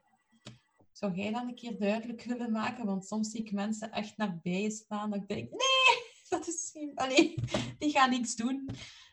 Maar kun jij dan misschien duidelijk het verschil tussen die twee eh, En je bedoelt eh, hoe ze er ehm, fysiek uitzien, uitzien? maar misschien ook hoe dan ze leven? Want ik denk dat daar ook wel een groot verschil tussen is. Dat is een ontzettend groot verschil. Ja. Ja. Die komen wel in de stamboom van alle dieren, zitten die wel heel lang in diezelfde familie, Mhm. totdat op een gegeven moment nog gaat opsplitsen tussen wespen en bijen. En het grote verschil waarom dat die opsplitsen is, wespen zijn vleeseters Voilà. en eh, bijen zijn vegetariërs. Dat is Mhm. in principe het grote, waar, waar dat ze in de biologieboeken in een andere familie zitten, dat is de reden daarvoor. Maar in de re- hoe dat je ze zou kunnen herkennen, ehm, bijen, je hebt, uiteraard je hebt honingbijen, maar je hebt heel veel solitaire bijen. De wespen hebben klassiek, vaak klassiek, die zwart-gele streep. Hè? Ja, echt zo die, wat, wat wij meestal, als je een kindervraag tekenen, is een bij. En die gaan die zo zwart-geel gaan inkleuren. In de regel zie je dat veel meer bij wespen dan bij bijen. Mhm. Bijen zijn veel minder zo dat, die hebben niet dat patroon van die zwart-gele banden, die zijn vaak wat bruiner gekleurd. Ehm, wespen zijn kaal, dus ze hebben geen beharing. Dat kun je in principe vrij duidelijk zien. En bijen zijn behaard. Mhm. En wespen hebben ook heel duidelijk, hebben zo die taille, die wespentaille, zo wordt dat uiteindelijk genoemd. Ja, waarbij dat je het gevoel hebt dat dat, dat, dat borststuk en dat achterlijf, maar met zo'n heel dun stukje aan elkaar hangt. Dat ziet je ook veel minder bij bijen. Ik zeg, ik veralgemeen een beetje, want je hebt ook een aantal bijensoorten die heel sterk op wespen lijken, maar die buiten beschouwing gelaten zijn dat de grote visuele verschillen. Mhm. Wespen zijn iets groter, zijn kaal, hebben die taille. Bijen zijn vaak wat kleiner, zijn behaard en zijn veel... Ja, die hebben niet echt die taille. Die, die insnoering halfweg, die hebben dat niet. Bijen gaan ook zelf... eh, Die zoeken nectar en stuifmeel op planten. Die zijn in de regel niet geïnteresseerd in Hmm. suikers die niet afkomstig zijn van planten. Dat betekent dat honingbijen, maar ook andere bijen in de regel niet op een terras naar cola's en limonades komen. Nee. Ja? Ehm, en dat zijn, dat zijn, als je dat ziet gebeuren, die komen naar het terras, dan moet je er bijna zeker van zijn dat dat wespen zijn. Hè? En vaak is dat in de nazomer. In een, in een wespennest leven heel veel kleine wespen. En die scheiden een soort zoetstof af.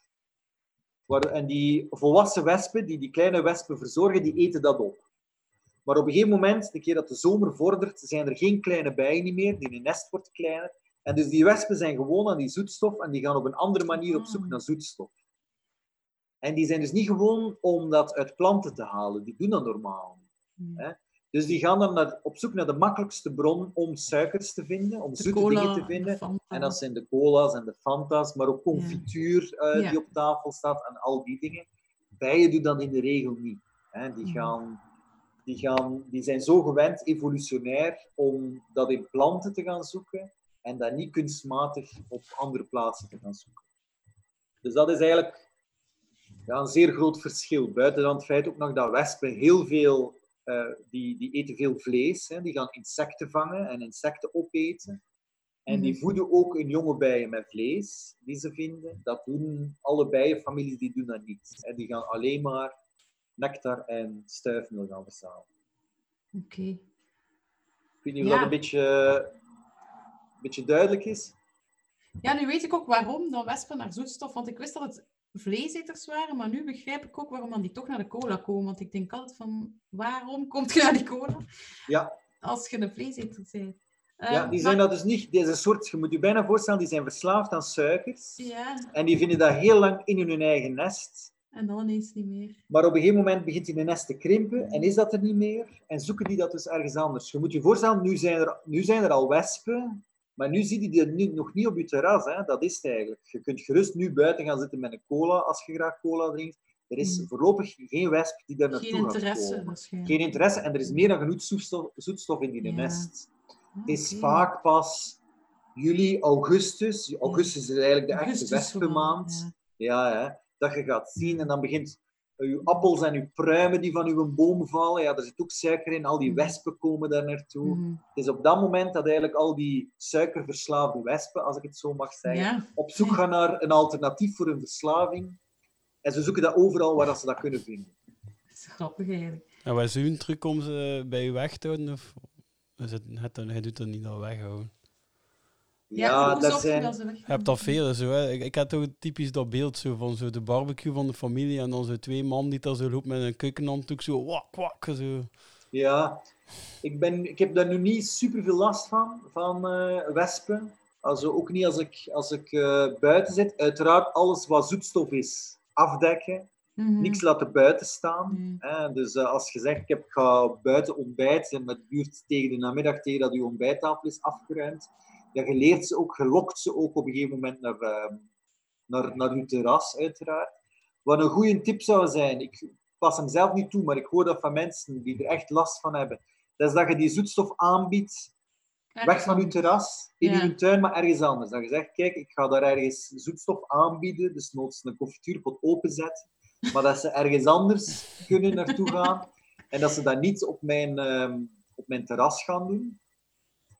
En dan heb je natuurlijk, eh, je hebt dan heel veel van die vallen, hè, van die wespenvallen, Ja, dan, ja. waarbij dat ze in vloeistof kruipen en dan gaan verzuipen.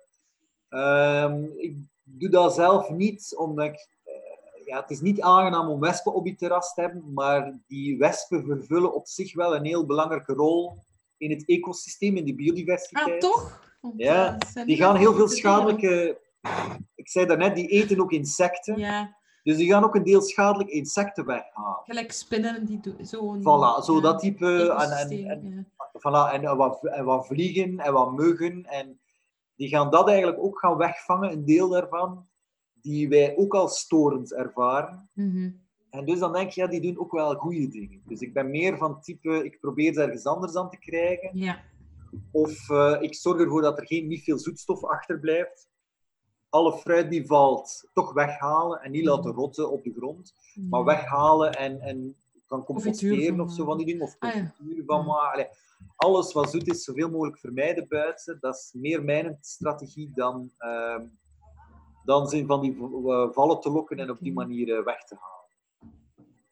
En zijn er dan ook, naast wespen, zijn er dan dieren voor die je in je moestuin hebt, die je ook liever niet wilt? En zijn er dan manieren dat je hebt om die dan toch te vermijden?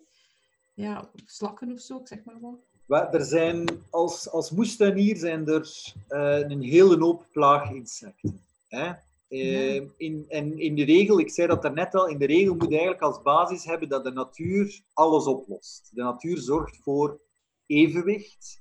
Alleen zijn onze tuinen vaak te klein om zo'n gans evenwicht te gaan creëren. Hè? Opnieuw, als je op een landgoed woont, Mhm. en je hebt heel veel slakken, dan mocht je ervan uitgaan dat binnen een paar jaar dat je ook gigantische kolonies egels gaat hebben op je landgoed. Ah ja. Hè? En die egels gaan daarop afkomen, die gaan dat goed doen, die gaan grote nesten voorbrengen, omdat er heel veel slakken zijn. En die egels gaan eigenlijk dat evenwicht gaan herstellen. Ja. Het probleem is natuurlijk dat in onze kleine tuintjes, ten eerste, die egel kan er al vaak niet in. Hè? Die wordt ook nog eens vaak overreden als ze een straat wilt oversteken. Er zijn er niet superveel. Dus vaak krijg je dat evenwicht in die kleine tuinen niet. Hè? En dan heb je uiteraard, dan, dan moet je als moestuinier een beetje gaan kijken, wat doe ik daarmee? Dan moet je zelf gaan ingrijpen. Ik vind een goede strategie die ik toepas, is eh, heel weinig van dezelfde dingen bij elkaar zetten.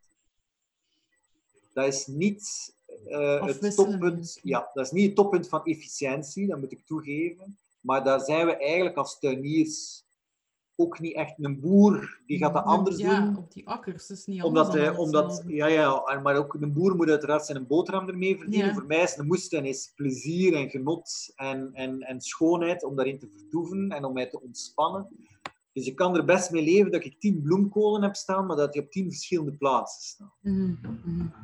Als ik die allemaal bij elkaar zet, ja, dan is dat als het ware een gigantisch lokaas voor koolwitjes bijvoorbeeld, die heel graag naar die kolen komen. Ja. Als ik ze op tien verschillende plaatsen zet, dan laten we ervan uitgaan, dan zullen er twee, misschien drie, ook opgegeten worden door koolwitjes. En die andere zeven, die vinden ze niet. Die zijn moeilijker bereikbaar, die zien ze niet of die vinden ze niet. Waardoor dat je uiteindelijk, dat is een beetje geven en nemen. Hè. Mhm. Je offert er twee, drie op, om er een hele hoop eh, andere te zetten. En dus dat doe ik met alles. Eh, sla, als ik sla ga planten, dan zet ik twee, drie kroppen, dan zet ik daar andere dingen tussen. En zo maak ik kleine groepjes. En dan zou het kunnen zijn dat op een gegeven moment een keer één groepje wordt aangetast door heel veel slakken. Maar dan blijven mijn andere groepjes met sla's een Ja. beetje gevrijwaard. Dus je ziet dat ook in de natuur, dat die probeert zeer veel te diversifiëren. Overal waar je te veel van hetzelfde bij elkaar hebt, ja, dan maakt het die aanvallers ook super makkelijk. Mhm. Dus vandaar is mijn strategie een beetje te gaan spreiden. Tegen slakken durf ik ook wel, ik heb een houtkachel, eh, dan durf ik ook wel een beetje eh, as te strooien, Ah, houtas. Als ik heel jonge plantjes met sla heb, dan durf ik daar ook wel zo'n klein beetje rondom rond, een beetje as rond te strooien. Dat is ten eerste is dat zeer goed voor uw bodem. Hè. Dat zijn mineralen die in uw bodem gaan, houtas. Ehm, en ten tweede vormt dat een beetje een barrière waar, het die, eh, waar het die slakken niet over willen. Dat irriteert een beetje aan hun Ja, huid. huid, en ja. vandaar mijden ze dat, die assen. Dus dat zijn van die trucs. Sommigen doen dat met, met een beetje zand of met eh, schelpen, wordt dat ook gedaan. Hè, Ah, zo'n beetje schelpen tussen sla gaan strooien, omdat dat ook, die slakken houden daar niet van om daarover te gaan. Dus zo moet je een beetje gaan zoeken van ehm, wat, is, wat is interessant. En daarnaast uiteraard alle kansen te bieden, als we het nog over slakken hebben, dat die een egel toch ook in uw tuin komt. Ik bedoel, daar zet ik ook volop op in. Dat is voor een egel, die heeft naast die slakken, die heeft ook een plek nodig om te slapen. En die doet dat heel graag onder zo'n beetje stapeltjes hout, bijvoorbeeld. Ah, ja. Dus hier en daar in een tuin stapel ik wat hout op, leg daar wat takken over, daar zijn wat holtes onder, zodanig dat de dag dat er dan toch een egel passeert, dat hij denkt, ik ga hier blijven, ik vind dat hier aangenaam, ik vind dat hier comfortabel, ik heb hier een huis, ik heb hier slakken om te eten, en dat hij hier ook effectief blijft en een Ja. nest maakt en op die manier mij meehelpt om mijn tuin van die schadelijke beestjes eigenlijk eh, te beperken. Je kunt dat niet, je kunt daar, een, een moestuin is een beetje kunstmatig, daar moeten we eerlijk in zijn. Dat is een beetje een kunstmatig systeem en dat betekent, je kunt dat niet vrijhouden van insecten, van plaaginsecten. Je kunt er alleen voor zorgen dat je al die anderen die u willen meehelpen, egels, maar ook sluipwespen en soorten bijen die andere dingen gaan eten, wespen die eh, schadelijke insecten gaan eten, dat je die ook zo maximaal mogelijk aantrekt. Zodanig dat je eigenlijk niet alleen staat als tuinier, maar dat je daar een leger van kleine helpers hebt. Op het moment dat er een plaag is, dat die u gaan helpen om eh, dat mee te gaan bestrijden. Wat voor mij absoluut not done is, wat ik niet zou doen en wat ik ook aan niemand zou aanraden, dat is het gebruik van sproeistoffen. Dat is voor mij eh, onbespreekbaar. Nee, het is ongelooflijk dat je zo ver al denkt. Dat je denkt al aan de negel die er moet kunnen overleven om die slakken dan in balans te houden. Eh dat, allee, dat vind ik echt... Dat is, dat is zot dat je dat al zo ver Ja, denkt. dat is een baas, dat vraag ik mij af, want je zit, je zit daar in het begin ook. ehm, zo, hebt, je ziet eh, een, een, een mooie tuin, een goede tuin, als ook een beetje een soort web met verschillende punten waar dat dan vasthangt en dan en een solide eh, geheel. Maar kun je zo, de, zo een paar pijlers zijn van dat, dat en dat moet er zeker aanwezig zijn om die cirkel, die levenscyclus van een tuin allee, solide te maken?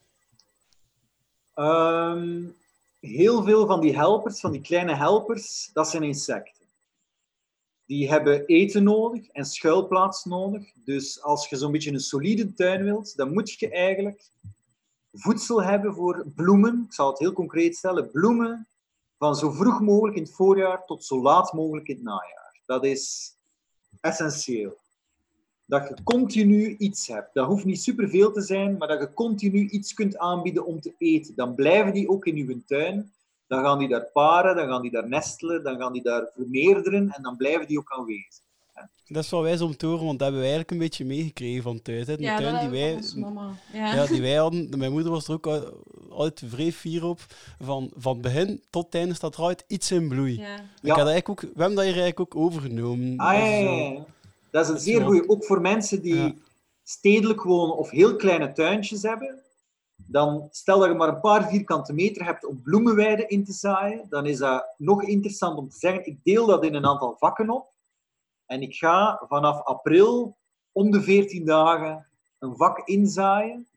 Zodanig Ah, ja. dat je tot zo lang mogelijk in het najaar eh, bloemen hebt. Dat je die niet allemaal in één keer zaait, want dan zijn die ook allemaal in één keer weg. Hmm. Maar dat je dat beetje bij beetje zaait, zodanig dat je dat zo lang mogelijk probeert te spreiden. Hè. Ehm, uiteraard, vaste planten helpen ook. Ik plant standaard bij mijn fruitbomen, daaronder, dat is een regel bij fruitbomen, ook altijd bloemen onder de fruitbomen. Zodanig als er te veel insecten zijn die mijn fruit willen opeten, dat er continu onder die boom en heel dicht bij die boom ook andere insecten leven die dan weer graag die Ja. insecten gaan opnemen. Dus zoveel mogelijk bloemen, dat is zeker ene. Ehm, die, al die insecten die overleven natuurlijk, of die slapen en die paren en die wonen in ruigtes. En dan bedoel ik lang gras. Of eh, zo'n hoekje met een beetje brandnetels, of een beetje bramen, of wat, wat struikgewas, die een klein beetje verwilderd is. Dat hebben die nodig om in te wonen. Ja? Dus dat heb je ook nodig. Je hebt stukjes nodig waar dat je toelaat dat het een klein beetje wilder wordt. Oké. Als je gras hebt, ja, dat je zegt van ik ga hier en daar wat paden maaien en ik ga een deel langer laten groeien. Of dat je beslist om je gras gefaseerd af te rijden, bijvoorbeeld. Dat je zegt, ik doe dat stuk van de tuin deze week en ik doe volgende week dat stuk van de tuin, Ja. zodanig dat er continu toch ergens een plaats is waar dat het gras wat langer is, zodanig dat die insecten daarin kunnen schuilen. Dat, is ook een, dat is ook een belangrijke. Eh, en ik zeg niet toevallig brandnetels, want brandnetels is een ontzettend waardevolle plant eigenlijk. Dus als je zo ergens een klein hoekje hebt dat je denkt, hier mag, het, mag de natuur een beetje zijn gang gaan, en er komt zo'n beetje een ruigte met wat brandnetels en wat langer gras, Mhm. dan moet je absoluut koesteren. Hè, om ervoor te zorgen dat je, dat je die insecten die er een gans jaar aanwezig moeten zijn, dat die ook een, eh, een plek hebben. Oké. Dan met vogels is dat een beetje hetzelfde. Hè. Vogels die rupsen moeten komen opeten en zo, die moeten ook eten hebben. Dus bessen, als je wat struiken hebt met wat bessen aan, dat je dus nooit zegt, kijk, ik ga een deel ehm, voor mijn vogels laten, of ik ga in een haag een aantal struiken zetten en een vlier en van die dingen daartussen zetten, zodanig dat er hier en daar wat bessen zijn, zodanig dat die vogels graag naar mijn tuin komen. Allee, dat zijn allemaal van die principes om Mhm. ehm, ervoor te zorgen dat dieren en al die helpers en dat web heel fysiek, heel het jaar door in, eh, in uw tuin eh, aanwezig kan zijn. De klassieker, geen uw blaren in de herfst niet te veel opkuisen, Ja. omdat daaronder, onder die blaren, al die insecten overwinteren daaronder. En als je ze in uw tuin houdt de ganse winter door, dan zijn die er ook al op het moment dat in het voorjaar dat de eerste rupsen daar zijn en de eerste muggen en dingen daar zijn, dan zijn ook uw helpers daar al aanwezig. Dus je moet toelaten dat, dat het hier en daar een heel klein beetje verwildert, als ik het zo mag zeggen. Oké, eh, maar je hebt nu inderdaad heel veel voorbeelden gegeven over planten en al. Maar zijn er dan eigenlijk planten die je niet graag hebt in de tuin, die, die alles verstoren of zo? Ja, ik verstoor al dat brandnetels blijkbaar niet, want die zijn ook waardevol. Ja. Ja, brandnetels zijn waardevol. Je hebt een aantal vlindersoorten die daar eitjes op leggen. eh, Ehm, je kunt die in het vroege voorjaar vind dat ontzettend lekker. Dat is er ook voordat je spinazie hebt. Ik heb geen serre. Dus ik heb pas spinazie in eh, april, laten we zeggen. Maar er- daarvoor kan ik al de, de jonge toppen van brandnetel oogsten en opeten als spinazie of soep van maken. En brandnetels zijn ook ideale meststof eigenlijk. De ganse, winter, de ganse zomer door verzamel ik brandnetels. Doe ik die in tonnen met water. Laat ik die rotten als het ware in het water. En het product daarvan is, is een ongelooflijk goede meststof. Om dan terug in uw tuin te gaan gebruiken. Zodanig dat je geen meststoffen moet inkopen. In de regel komt er nooit iets vreemds met een tuin binnen. Maar moet, zijn, moet- in een tuin eh, zichzelf te gaan, eh, gaan onderhouden. Dus vandaar brandnetels vind ik eh, een ontzettend waardevol. Er zijn op zich eigenlijk geen planten waar ik tegen ben. Ik zal het zo de zeggen. Wat- Japanse duizend. Wel, ja, ja. Ja, ja, ja. En de Hebt u weer de Japanse De- duizend die- struiken? duizend knoop. Ja, Duizend Japanse knoop, duizend. ja. Ja, absoluut, absoluut. Ik denk dat we... ehm, in de regel ga ik zoveel mogelijk voor inheemse planten, bomen en Mhm. struiken. Dat is een eerste regel eigenlijk. Hè? Omdat die het ook altijd veel beter doen. Mhm. Die zijn dat al vanuit evolutie gewoon om hier te groeien. Dus die, Ja. De, die insecten zijn eraan gewoon. Allee, alles is erop afgestemd dat die planten en die struiken hier zijn. Ik ben, bij uitzondering kan ik er tegen dat je een keer een exoot plant. Ja? Ik ga je een voorbeeld geven. Ik heb een heel mooie rozelaar. Ja, en rozen, ja, die Zijn eigenlijk... Die komen van oorsprong uit het Midden-Oosten, dacht ik. Uit Perzië, daar is dat ergens Mhm. ontstaan. En dan is dat naar hier gekomen. Ja, ik vind een, een mooie rozelaar, een wilde rozelaar, ja, die ook nog eten biedt aan de bijen, die, die een hele zomer lang mooi bloeit. Ja, ik kan dat wel... En die lekker ruikt. Ik vind, dat heeft ook wel zijn plaats in die tuin. Ja, ik vind dat dat een mooie aanvulling heeft van eh, wat er al is. Dus in die zin, ik ben niet 100% tegen die eh, exoten. Hier en daar kan dat. Maar alles wat invasief is, dat betekent alles wat van exoten naar hier komt en die de neiging heeft om zo snel of krachtig te groeien dat het de inheemse planten onderdrukt, dat is Mhm. uiteraard, dat kun je niet permitteren om dat te gaan aanplanten. Nee. Ehm, en de Japanse duizendknoop, ja, ik bedoel, intussen, dat is een beetje een ramp aan het worden in Vlaanderen. Je ziet, dat- daar zijn nog heel weinig middeltjes tegen en, en veel gemeenten en steden zitten met hun handen in het haar, omdat dat Oh. grote stukken aan het innemen is en we er, kunnen er heel weinig aan doen. Ja, dat zou heel onnozel moeten zijn om dat in uw, eh, in uw tuin te gaan eh, aanplanten. Hè. Ja, dus ik alles... heb wel... Ja, zeg maar. Sorry. Ja, ik heb wel... Dat heeft natuurlijk te maken met... Mijn huidige tuin is 100 vierkante meter en de volgende is nu ook niet... Is van misschien kleine 200 zijn, dus nog niet zo heel erg groot. Ja, sommige planten die we geplant hebben of die, die er gek- gekomen zijn, ja, die nemen gewoon te veel plek in en die willen dan gewoon weg. Zoals bijvoorbeeld, allee, een van de eerste is bij ons, ja, dat is trouwens een groente dat wel groeit, dat gewoon blijft groeien. De aardpeer. Ja, Dat is echt, dat blijft woekeren, man. En, maar dat maakt wel geen andere planten kapot. Dat vind ik dan wel. Die Nee. staat er op zijn eigen, die is vrij smal. Maar die, ja... Je moet Ja, daar en een die, Ja, dat is natuurlijk. Wat, die aardpeer heeft, is die vormt knollen. En die zijn wel super lekker. Je kunt die in de winter opgraven en opeten. Ik vind dat eigenlijk best lekker om, eh, om op te eten. Maar je vergeet er altijd, hè, bij het oogsten vergeet je altijd een aantal van die knollen in de grond. Die vermeerderen en het jaar erop heb je tien keer zoveel aardpeer. En op een gegeven moment zit er zodanig veel aardpeer dat je dan, ja, dat je dan niet meer eh, de baas kunt. En vandaar inderdaad dat men vaak zegt, je moet dat in een soort bak of een soort ton gaan telen. Zodanig dat je dat... eh, of je moet consequent iedere winter ervoor zorgen dat je alles eruit haalt wat eruit moet. Mm. Dat is, dan kun je dat een beetje, eh, dan kun je dat nog een beetje controleren. Maar het is wel een feit, die gaan niet alles wat daar rond staat gaan overgroeien. Hè. Nee, dat stond eens voor. Want het is zo'n ander, maar dat is echt puur onkruid, denk ik. Dat is zo een, ja, een slingerende eh, onkruid met zo'n witte kalk. Ik Kan, Ja. Ik weet nu de naam niet. Maar dat Ehm, burgt echt al de rest, hè. Klopt, klopt. En die maakt van die worteluitlopers. Ja, Win, winden. ja, Je ja hebt, soort eh, heggewinden. ja, heggewinden. ja, Heggewinden, je hebt akkerwinden en heggewinden. Je hebt er een aantal soorten in. Maar dat is inderdaad, dat is, eh, dat is een beetje rampzalig. Hè? Nu goed, je moet er eigenlijk... Dan moet ik dus wegkrijgen uit mijn nieuwnof, want dat staat er wel... eh, Dan moet je Ja. te lijf gaan in je nieuwe nof. En in de regel is dat met zoveel mogelijk van die wortelstokjes eruit halen uit de grond. Die maakt zo van die oppervlakkige lopers. Hè? Want Ja. die komt ergens op de grond en dan komt die een paar meter weer boven. Om zoveel mogelijk van die stukken eruit te halen. En dat eigenlijk, dat moeten volharden. Dat is eigenlijk de enige strategie bij dat type planten. Dat is iedere week door uw tuin gaan.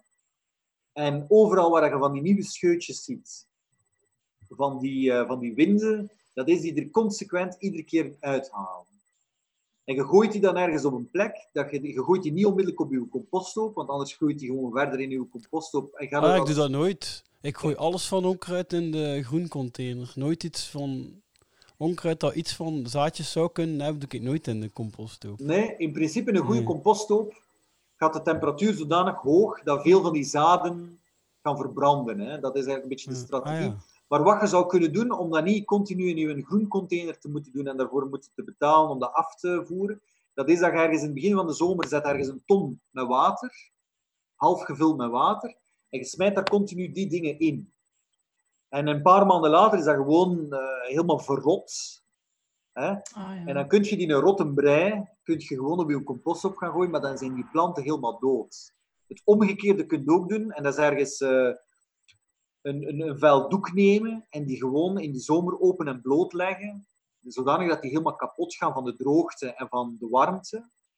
En dat je dan nadien, als die helemaal kapot zijn gegaan, kun je die op je compost ook gaan gooien. Dus dat zou in principe nog een strategie kunnen zijn om te besparen op, op uw, dan moeten ze wel, je moet er inderdaad ervoor zorgen dat ze dood zijn voordat ze op uw eh, composthoop terechtkomen. Dat klopt. Ja. Als in een bak met water. eh, ja, ik ben er ik heb redelijk op schrik van direct een, eh, ik weet niet hoeveel meugen te krijgen. Of dan kun je, moet er een deksel op leggen. Ah, ja. Dan leg je er een houten plankje op. Eh, en in iedere keer dat je wat van, die, eh, van die wind hebt, gooi je dat erin, het plankje erop. En zo rot dat eigenlijk het hele jaar door. Ja. Ehm, en op het einde van het jaar kapt je dat gewoon ergens uit en dan kan dat geen kwaad meer. Maar dus als dat een beetje een antwoord is op uw vragen, Veerle, ehm, alles wat in die categorie van die invasieve planten zit, diegenen die de neiging hebben om anderen te gaan aanvallen of te onderdrukken, ja, dat, dat vermijd ik uiteraard in de Mhm. tuin. Ehm, kiezen voor inheems en bij uitzondering een keer een hele brave exoot als, ja, als soort ornament of een soort toonbeeld van schoonheid, gelijk dat een rozelaar kan zijn, dat vind ik Mhm. wel... eh, dat mag voor mij. Ik zal het zo zeggen, persoonlijk gezien heb ik er niks, eh, niks op tegen. Oké. Christophe had nog een paar vragen ook. Ja, die van mezelf. Ja, Ehm, ik heb, ehm, ja, ik heb zo'n keer wat vrijwilligerswerk gedaan in het vogelasiel. En Ja. ehm, daar, ehm, de, de, degene die het eruit baat, Nieke, is nogal kritisch over katten. En vooral de manier waarop dat mensen de katten ja, in de tuinen loslaten en zo. Het zijn er sowieso te veel in Vlaanderen, vindt hij, voor, het, voor een deftig evenwicht te hebben. En ook de manier waarop dat de katten tegenwoordig eh, zich gedragen. En hij legt die verantwoordelijkheid wel bij de mensen. Eh, en dat is mijn vraag. eh, kan je een kat hebben zonder het bio-evenwicht te verstoren? Ehm, dat is een moeilijke. Eh, Je vraagt het ook aan een katteneigenaar.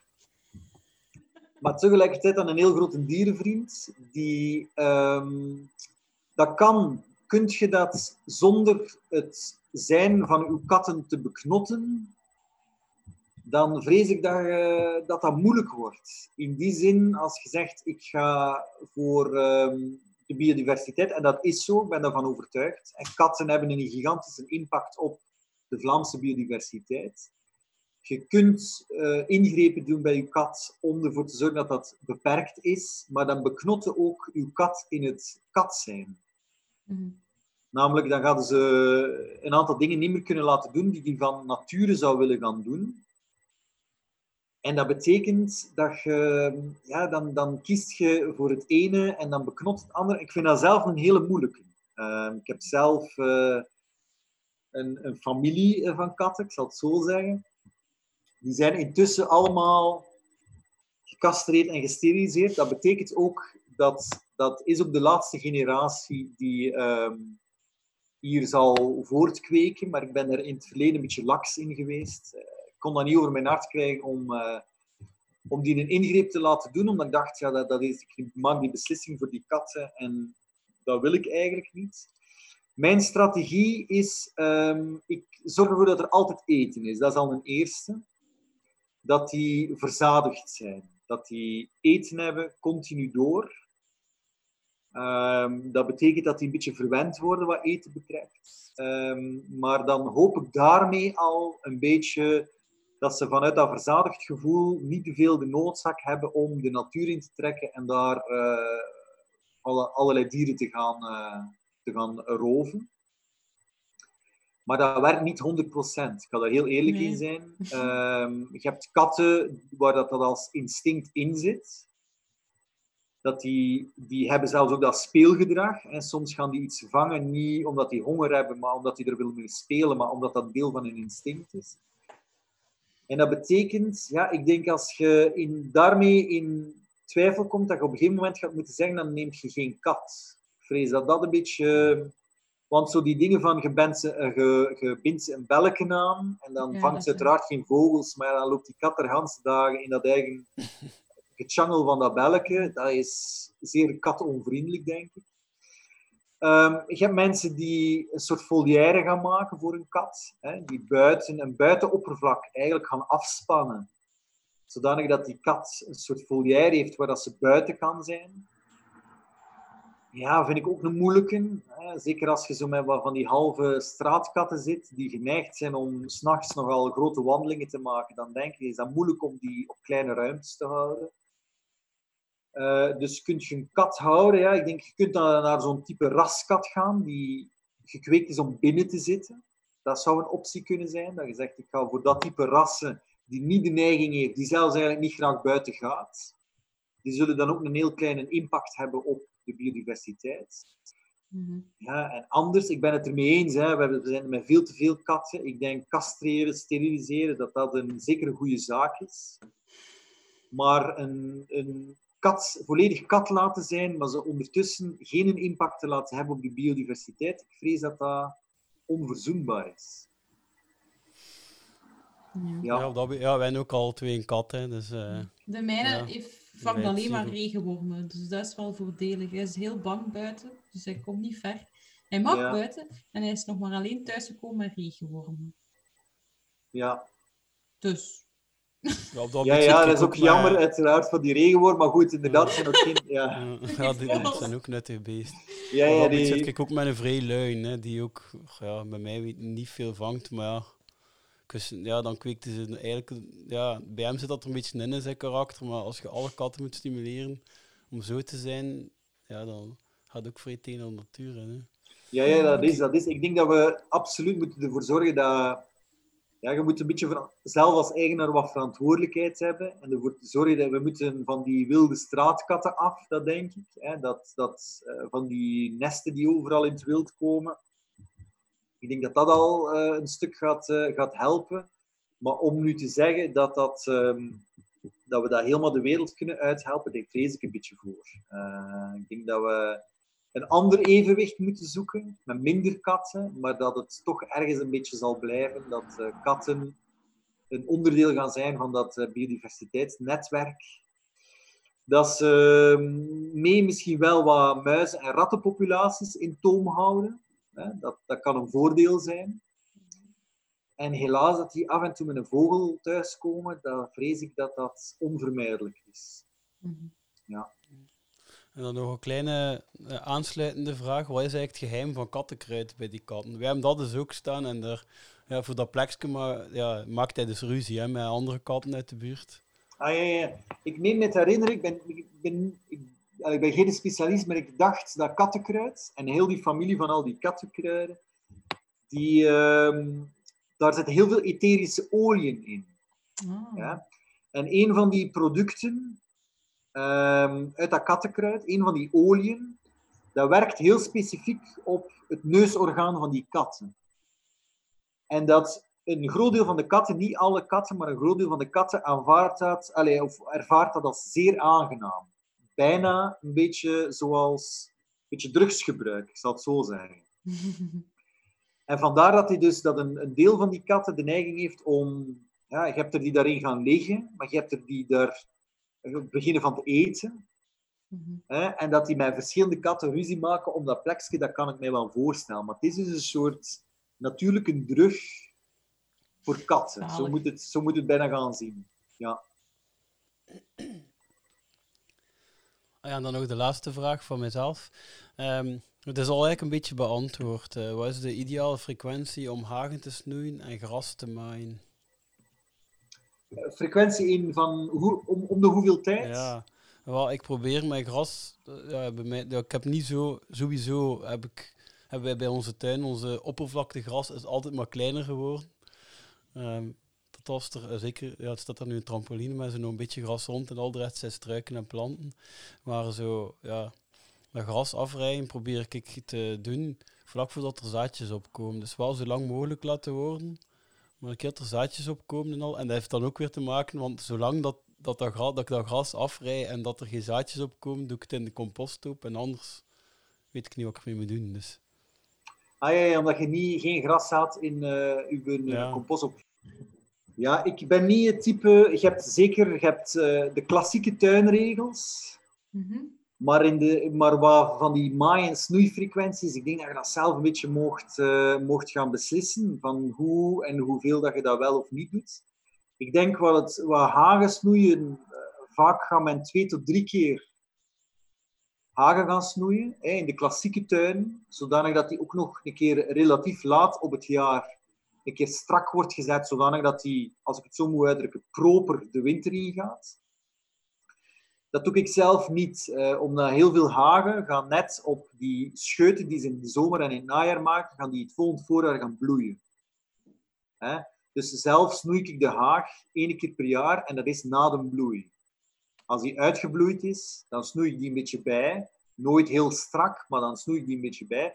Zodanig dat die nieuwe scheuten maakt en volgend jaar opnieuw gaat bloeien.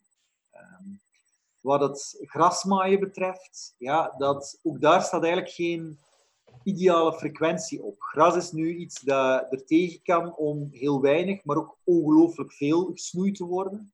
Je zou dat bij wijze van spreken dagelijks kunnen afrijden. Ehm, maar je kunt dat ook één of twee keer per jaar doen. Hè? En dan wordt dat misschien moeilijk met een gewoon grasmachine en dan heb je iets anders nodig.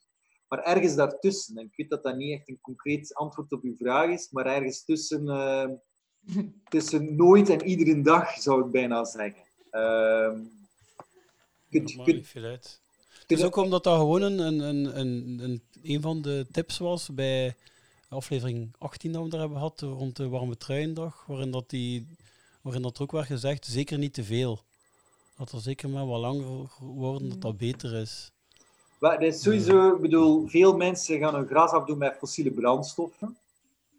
En dus als je een Ah, ja. aantal keren niet gaat afrijden, dan... En, en eigenlijk, grasmachines zijn vuile machines. Hè. Mhm. Dat, is, dat is geen propere verbranding. Dus in die zin, hoe minder dat je gras afrijdt met een grasmachine, hoe interessanter voor, eh, voor het klimaat. Laten we dat al zeggen.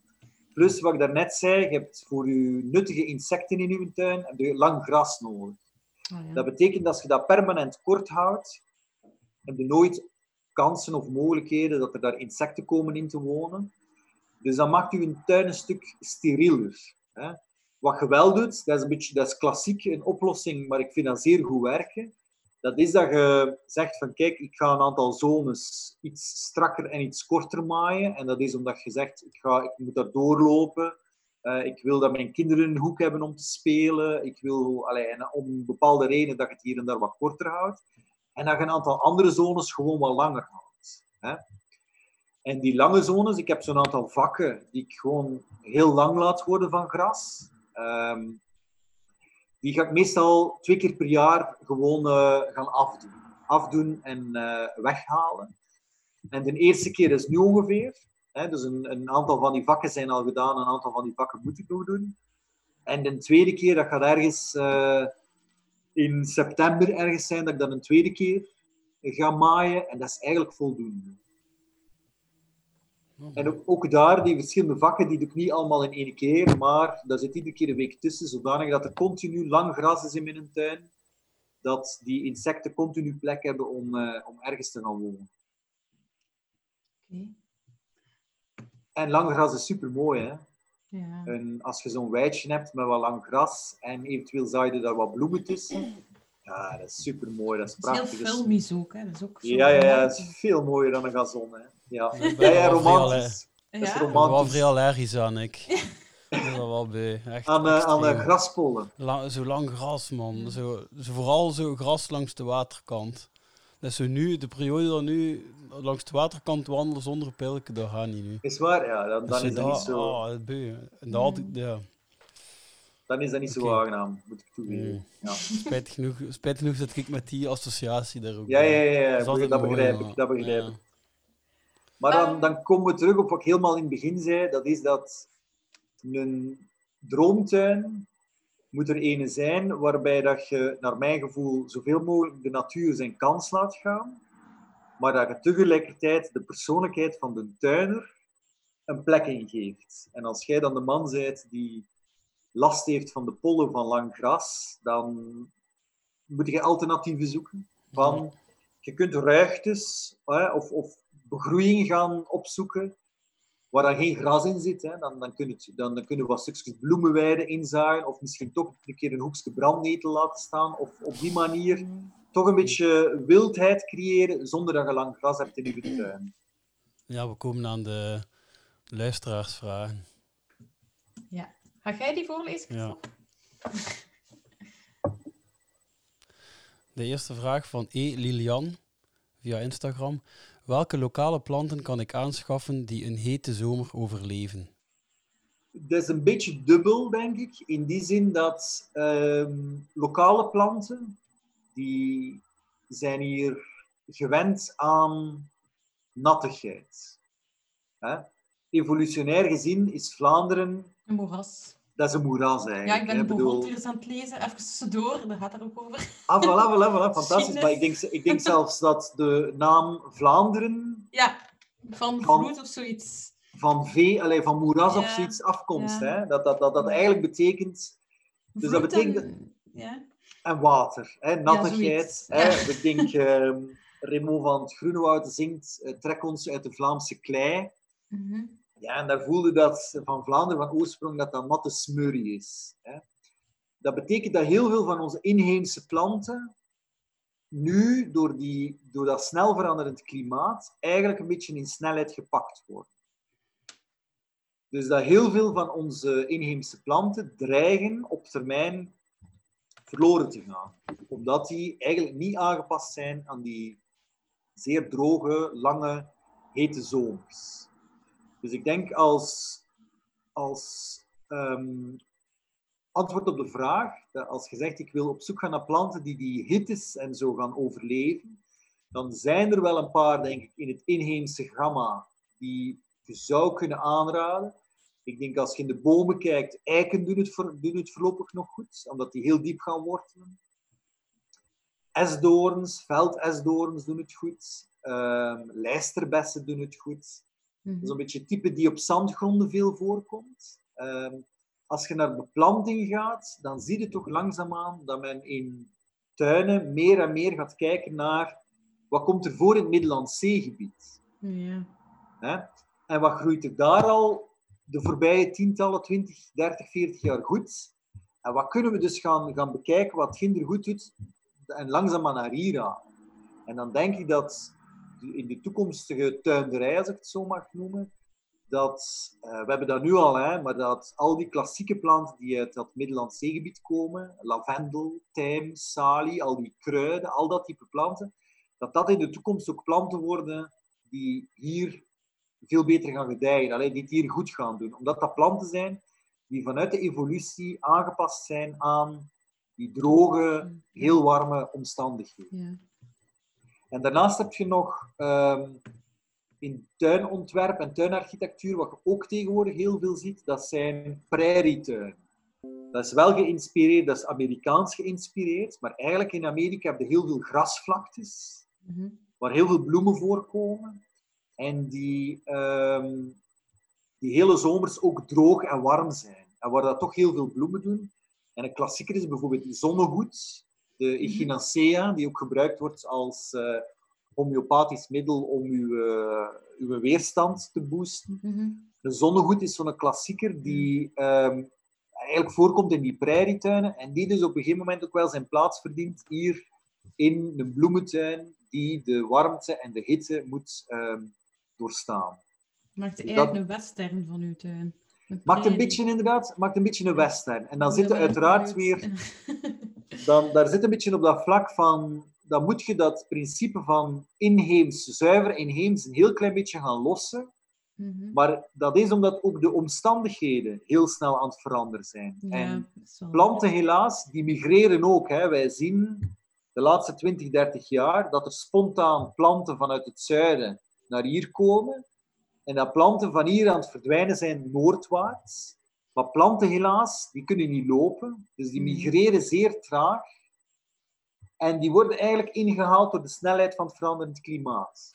Mhm. Dus dat betekent dat we zelf ook gaan moeten meezoeken naar Moet ze een beetje groeit- helpen. een beetje helpen en wat Ja. groeit er dus op andere plaatsen. En vandaar dat ik zeg, ik blijf bij dat principe van inheems. Maar op sommige omstandigheden moet je dat durven van die regel afwijken. En gaan kijken van, wat doet het hier goed? Ik heb liever eh, een aantal uitheemse planten, maar zodanig dat er bloemen zijn en dat er eten is voor insecten, dan een dorre vlakte, bij wijze van spreken, omdat die inheemse het dreigen eh, niet meer te gaan doen. En daarnaast natuurlijk, denk ik, is het een kwestie van tuinen zodanig in te richten dat ook als het super droog en super warm is, dat, dat, dat die impact op uw tuin beperkt is. Dat betekent schaduw voorzien. Dat vind ik een heel belangrijke. Dat je ervoor zorgt dat je op, ofwel met bomen en struiken, maar misschien als je op een koerke zit, dat je met een pergola of, of een Mhm. druivelaar die je laat klimmen op een draad, op die manier ervoor zorgt dat je schaduw creëert, zodanig dat er dat het net iets minder warm is, dat die planten daar net iets minder eh, last van hebben.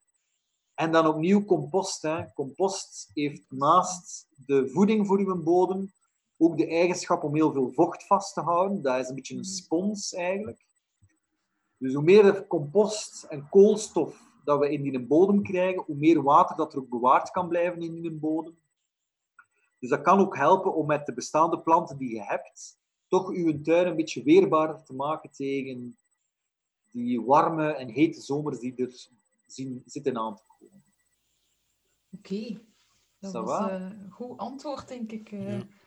Op deze vraag. We hebben trouwens meerdere luisteraarsvragen gehad, maar we hebben er vijf uitgehaald. eh Ja, Ja. Christophe leest ze voor, want die is daar beter in. ja.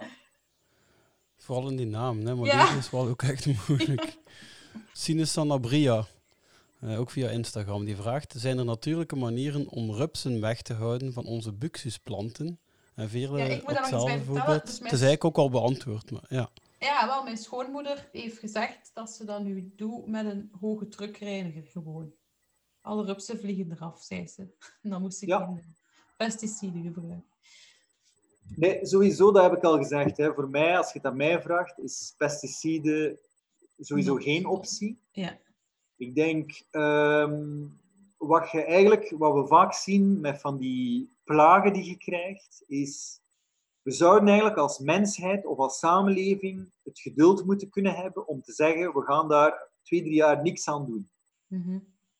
En dan gaat je versteld zijn van hoe snel de natuur zich organiseert om daar iets aan te doen. Ja. Dat is een beetje het verhaal van de egels en de slakken. Ja. Als ik een paar jaar gigantisch veel slakken heb, gegarandeerd komt er op een gegeven moment wel een egel, omdat die weet, dat is superveel eten.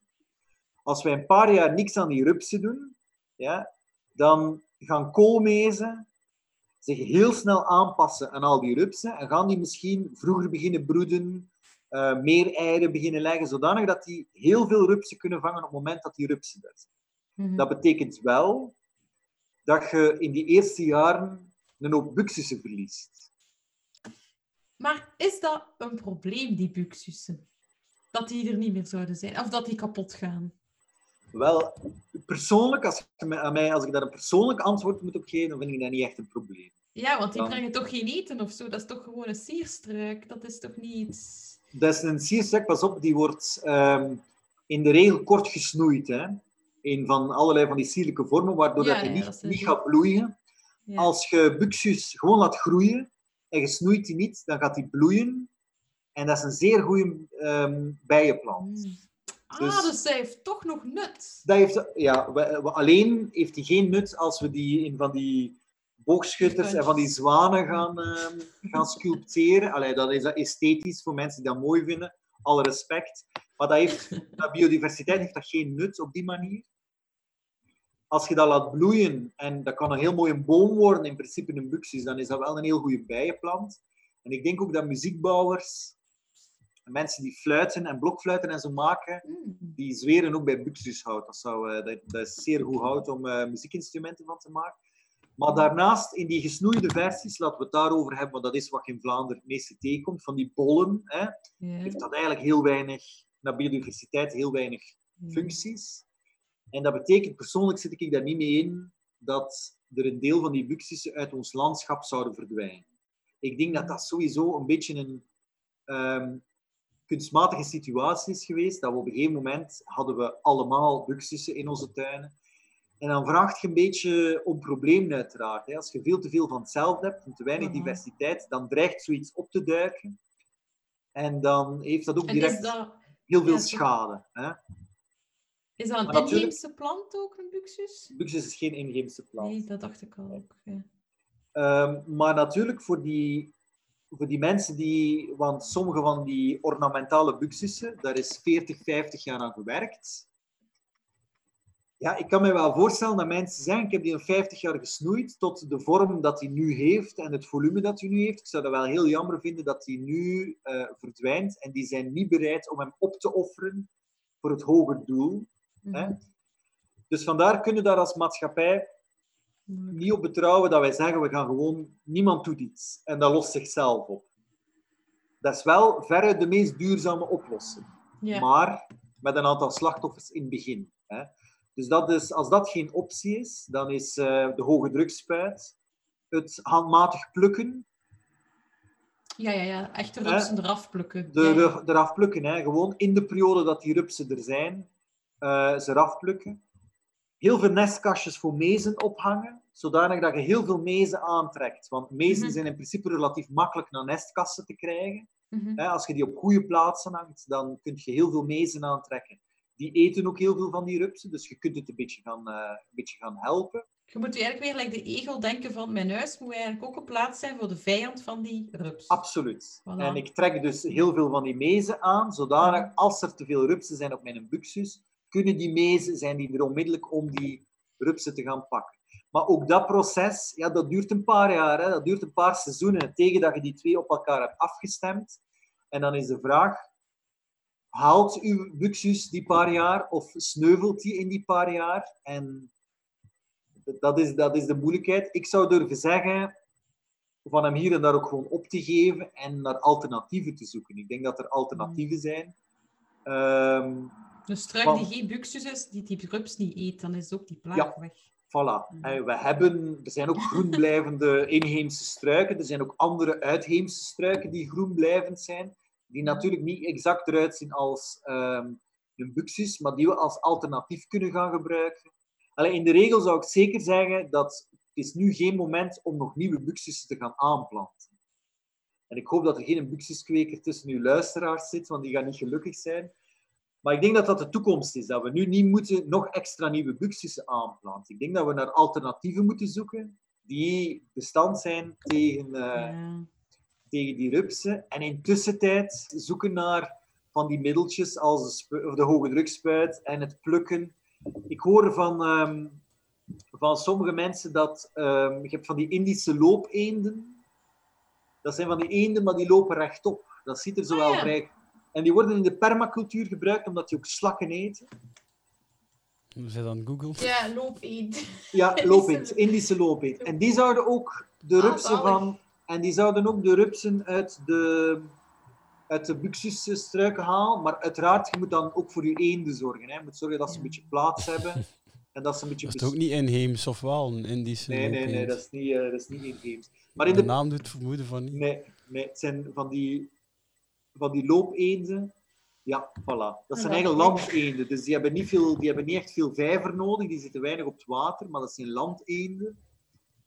Ehm, maar die worden in permacultuur, in de permacultuurwereld, worden die al veel gebruikt of ingezet om slakken te pakken. Die eten ook slakken.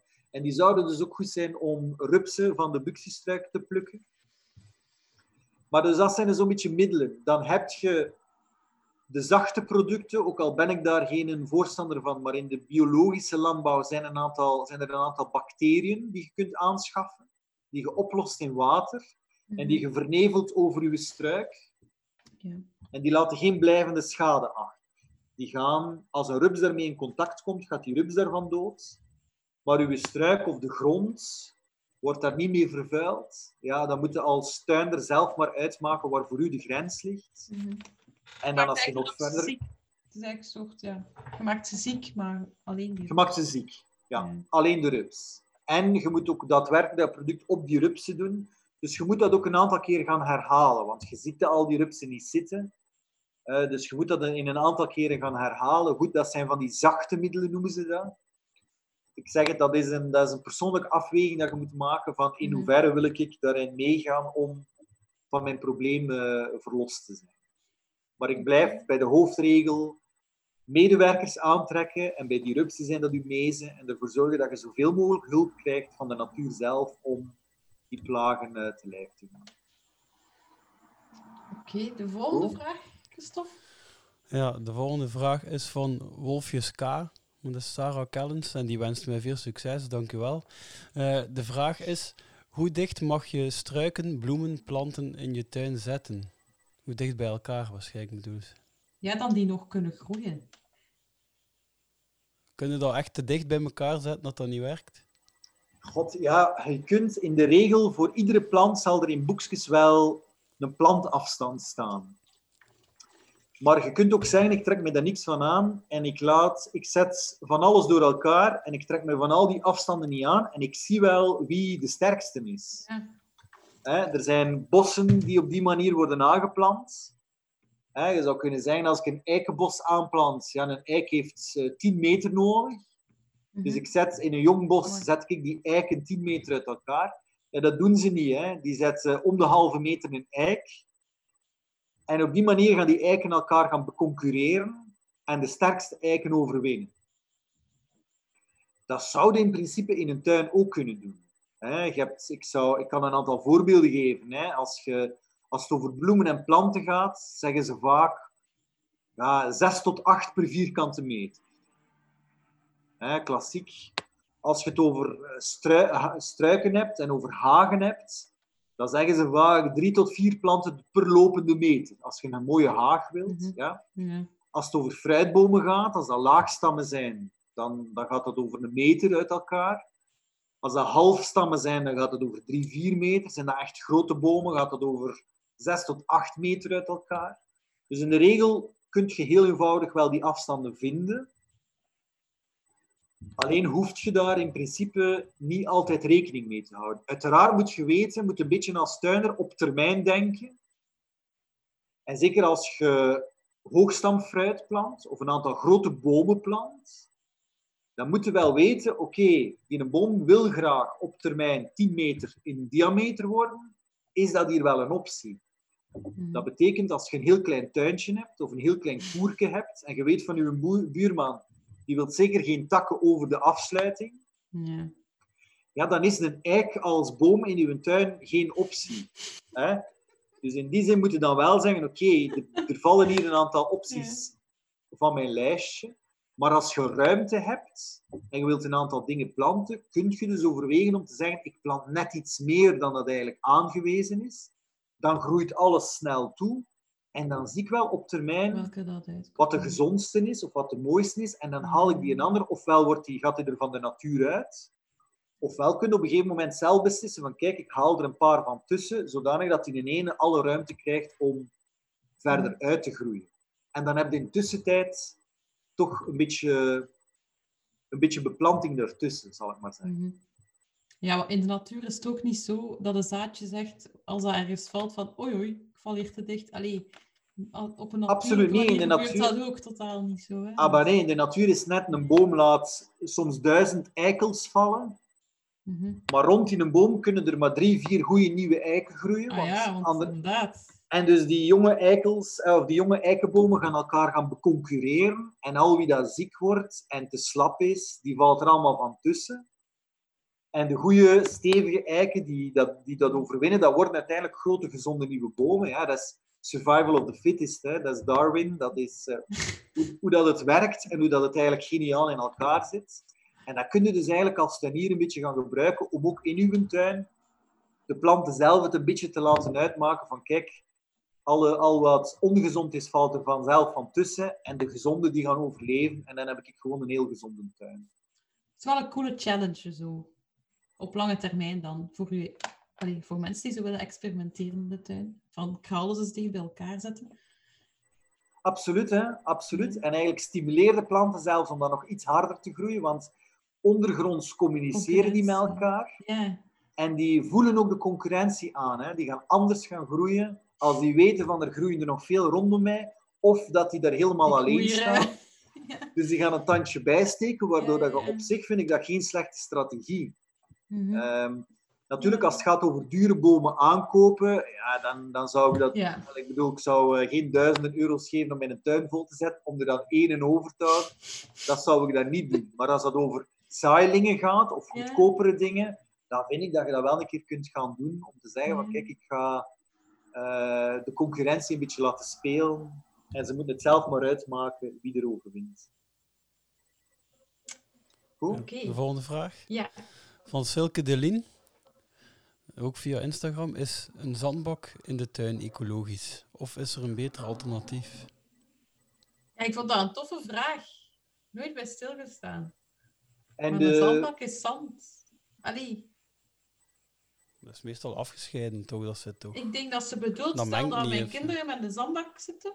ja, En dan gooien ze zomaar zand in het, in het gras of dat kwaad Dat kan. verspreidde hem natuurlijk door heel de tuin Ja. altijd. Dat is zeezand. Ah, ja, ja, ja. dat, op zich, dat, dat op zich kan niet veel kwaad. Ik denk dat dat in... Dat, dat gaat niet per kilo's of per schoppen of per bulldozers in die tuin Mhm. verspreid geraken. Dus ik denk op zich...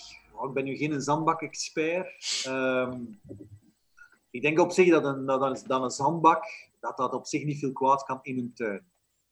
Ik zou, ehm, als het gaat over biodiversiteit en over natuurlijkheid, dan het enige wat ik over een zandbak zou kunnen zeggen is, ik zou hem maken uit eh, onbehandeld hout, inheems onbehandeld hout, Mhm. uit duurzaam hout, die niet, eh, die niet moet behandeld worden. Dat denk ik, daar kun je Geen een zandbak... plastieke schelp zo. Ja, is geen plastieke schelp, dat zou ik niet nemen. Nee, ik zou vanuit uit kastanje of uit acacia eventueel, hè, ehm, onbehandeld, dat is zeer duurzaam hout, dan, daaruit zou ik hem eh, gaan maken. Maar ik denk als dat over een paar vierkante meter gaat, dat dat niet zo ehm, Mm. onecologisch is. Trouwens, je hebt ook zandbijen. Ah, Dat zijn, dat zijn bijen die leven niet in de ruigtes, maar die leven in ehm, stukken open zand. Hè, dus Maar die steken toch niet? Dat er Soli- solitaire bijen die steken in principe niet. Als je die Nee, natuurlijk nee. vastpakt, kunnen die Ja, ja, steken. Maar die, die leven alleen, dus die hebben geen nest te verdedigen. Ah ja. Dus die gaan zich nooit defensief opstellen. Dat is waarom honingbijen dat wel zouden doen. Omdat die daar met een schatkamer en honing zitten. En daar zitten tienduizenden bijen in die ze willen beschermen. En daarom zijn die een stuk assertiever, als je die Ja. stoort, dan die solitaire bijen. Dus op zich zo'n stukje open zandvlakte in een tuin is zelfs niet slecht.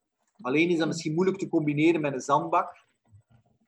En moet je misschien, als je een zandbak aanlegt, gewoon zeggen, kijk, ik ga één vierkante meter apart houden en daar spelen mijn kinderen niet in. Dat laat ik voor mijn zandbijen. Mhm. En de rest van de zandbak hou ik voor mijn kinderen het laten spelen. Uit ecologisch hout, dan denk ik, dan heb je een leuke compromis om een ecologische zandbak te hebben. denk.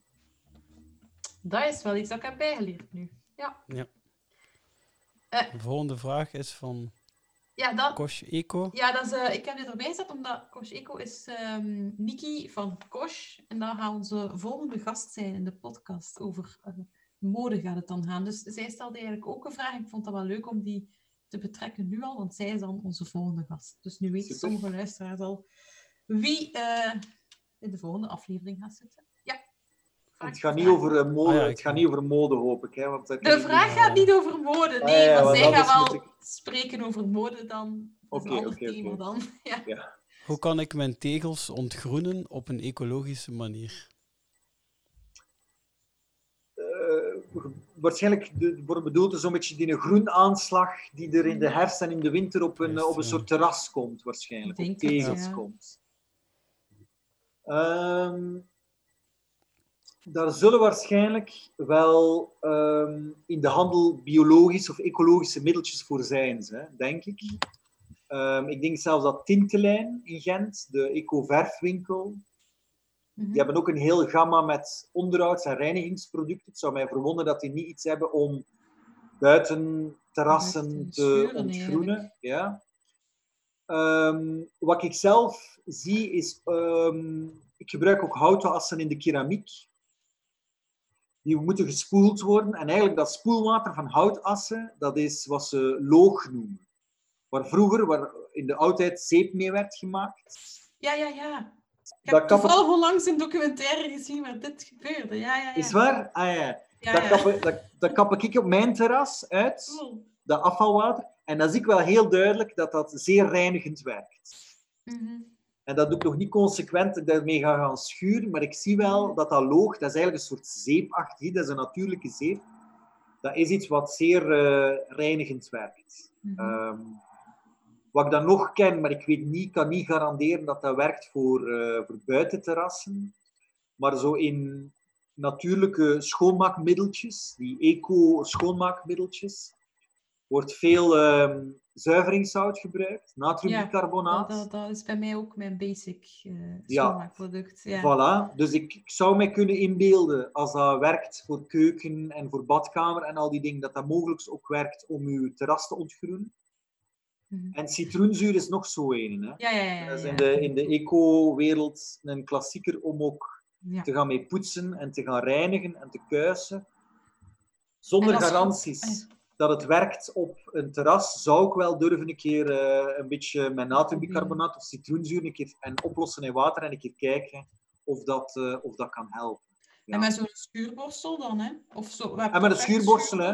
Met hem, voilà, Ja. met wat regenwater, Voilà. oplossen in regenwater, je kapt dat erover.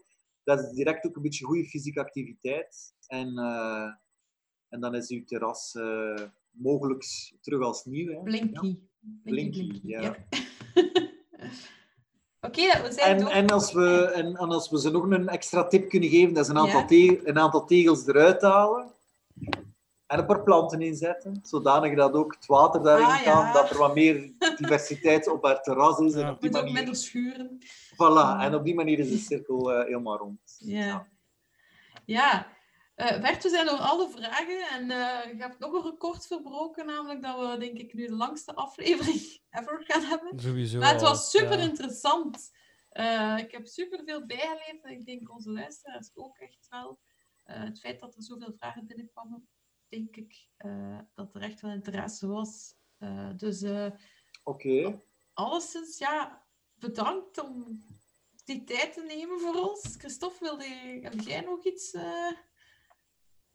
Eh? Ja, ja, kijk, ik voel dat wij er nog veel konden vragen. Hè. Ja, ik kan ook mij een, veel eh, mogen inhouden met door te vragen of dingen te vertalen of te vragen. Dus eh, Misschien moeten we u volgend jaar nog eens terug eh, ja, over... Of in een ander seizoen, misschien is in een, eh, ja, een andere moed. in een andere moed, in een, eh, Ja. In een biodiverse tuin in de winter of zo. Daar kunnen we ook wel Ja. een keer eh, iets over vertellen, hoe dat je dan in de winter omgaat met uw tuin. Eh, ik hoop Ja. alvast dat het voor een, voor een beetje inspiratie heeft gezorgd. Ehm, er valt inderdaad nog veel meer over te zeggen. Ja. Er vallen nog duizenden planten op te noemen waar je iets mee kunt gaan doen. Maar als, je al, eh, als er al wat mensen geprikkeld zijn om iets met in hun tuin te gaan doen, of misschien net een keer iets minder met in hun tuin te gaan doen en het een beetje te laten gebeuren, dan zou dat al een heel mooie, eh, Ja. Een heel mooie winst zijn met dit programma. Ja, want ik denk... Zijn er misschien nog links of boeken die je wilt aanraden?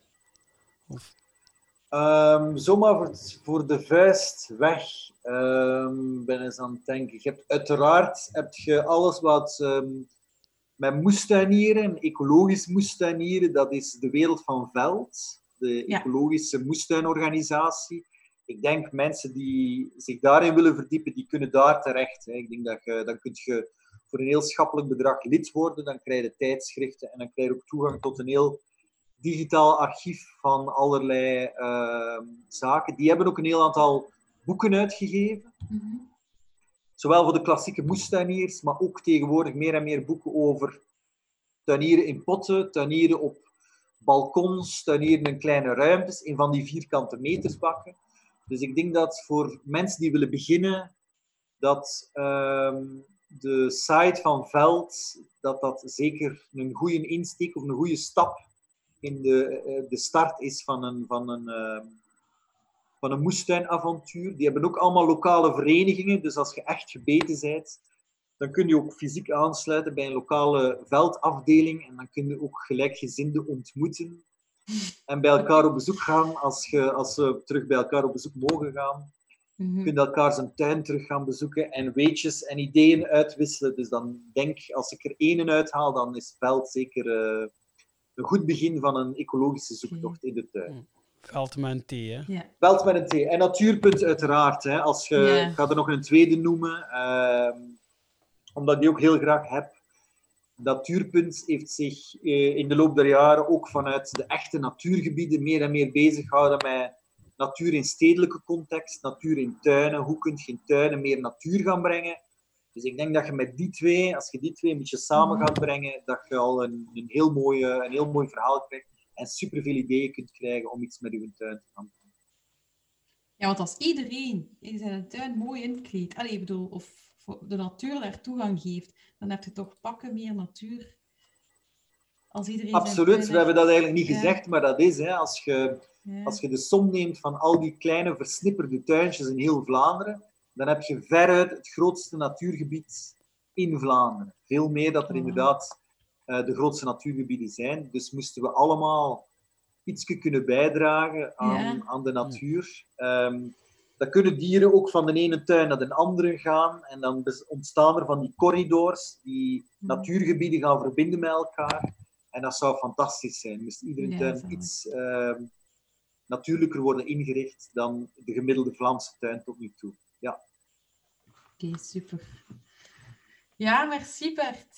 Ehm, ik En het denk was dat- fijn om jullie een keer terug te zien. Kijk, Ja, dat ook, want dat is ook Dat is lang. Maar ik denk dus mijn, dat we eh, ja, dat we u nog een keer gaan vragen dan, hè, voor eh, het ah, wel, maar dat is goed. Dat is goed. Voor de Christophe, dat was trouwens mijn eerste uh, officiële, als ik het zo mag noemen, eh, Don Bosco-reunie. Ik heb er nog nooit naar een geweest, Ah, ja. maar bij deze, bij deze Ah, ja.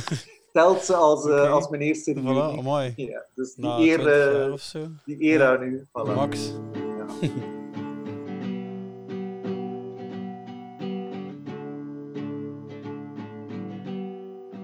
Ja, dat was dus Bert de Donker. En wij hebben allebei, denk ik, superveel bijgeleerd. En hopelijk jullie ook. Ik ben blij dat ik dus toch nog kans maak om op mijn eh, dak van alles te kunnen planten. We hebben Eh, vooral hoestingen gekregen, denk ik. Ik denk dat eh, van onze afleveringen zo de meest optimistische is die we al gehad hebben.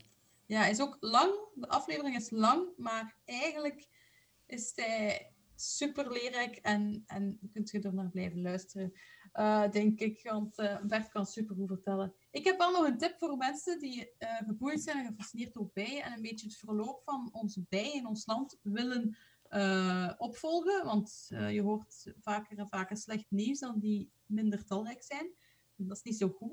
Maar nu is er eh, een website, mijntuinlab.be. En op mijntuinlab.be gaan ze, net zoals aan Natuurpunt, een beetje doen met de vogels in je tuin. de mensen insecten laten tellen. Of gewoon laten onderzoeken wat zit er in uw tuin, wat leeft daar. Op die manier proberen ze een overzicht te krijgen van welke insecten worden nog talrijk gezien en welke niet. En vooral ook de bijen. En op die site bijvoorbeeld, ehm, nu kunnen eigenlijk nog geen score zien, maar vanaf volgend jaar, als iedereen nu begint te tellen, eh ga je dan zien hoe dat daarmee gesteld is. En bijvoorbeeld de rosse metselbij, ehm, dat is een solitaire bij, dus dat is niet een bij die in zo'n kast bij een imker, maar die leeft alleen. Ehm, dit jaar waren daar al 1420 waarnemingen van. Dus vanaf volgend jaar ziet je daar dan meer van. Dus die site is super interessant voor mensen die op tuinsafari willen gaan. En aangezien dat we van de zomer waarschijnlijk niet echt weg kunt gaan, is het altijd leuk om uw kinderen misschien naar insecten te zoeken in uw tuin. Ik weet het, het is geen echte safari, maar het is wel heel leerrijk. Dus mijntuinlab.be, check dat zeker. Het is echt super interessant. Ehm, en ik denk dat wij hierbij ook gaan afsluiten. Eh, mensen die online willen kijken naar ons interview met Bert, ik raad het zeker aan op YouTube. kunt je ons ook volgen. En natuurlijk ook ondertussen. Ja, we zitten ook op alle kanalen. En we hebben ondertussen ook Facebook en Instagram. Ja, de Instagram. podcast zelf. Ja, we zitten eh, overal nu een beetje, zodanig dat je ons veel meer vragen kunt doorsturen en dat mensen ons ook sneller vinden. En eh, ja, als jullie iets willen weten, vraag het maar. Ehm, ik denk eh, dat de volgende aflevering ook alvast boeiend wordt. Tot de volgende keer. Dag.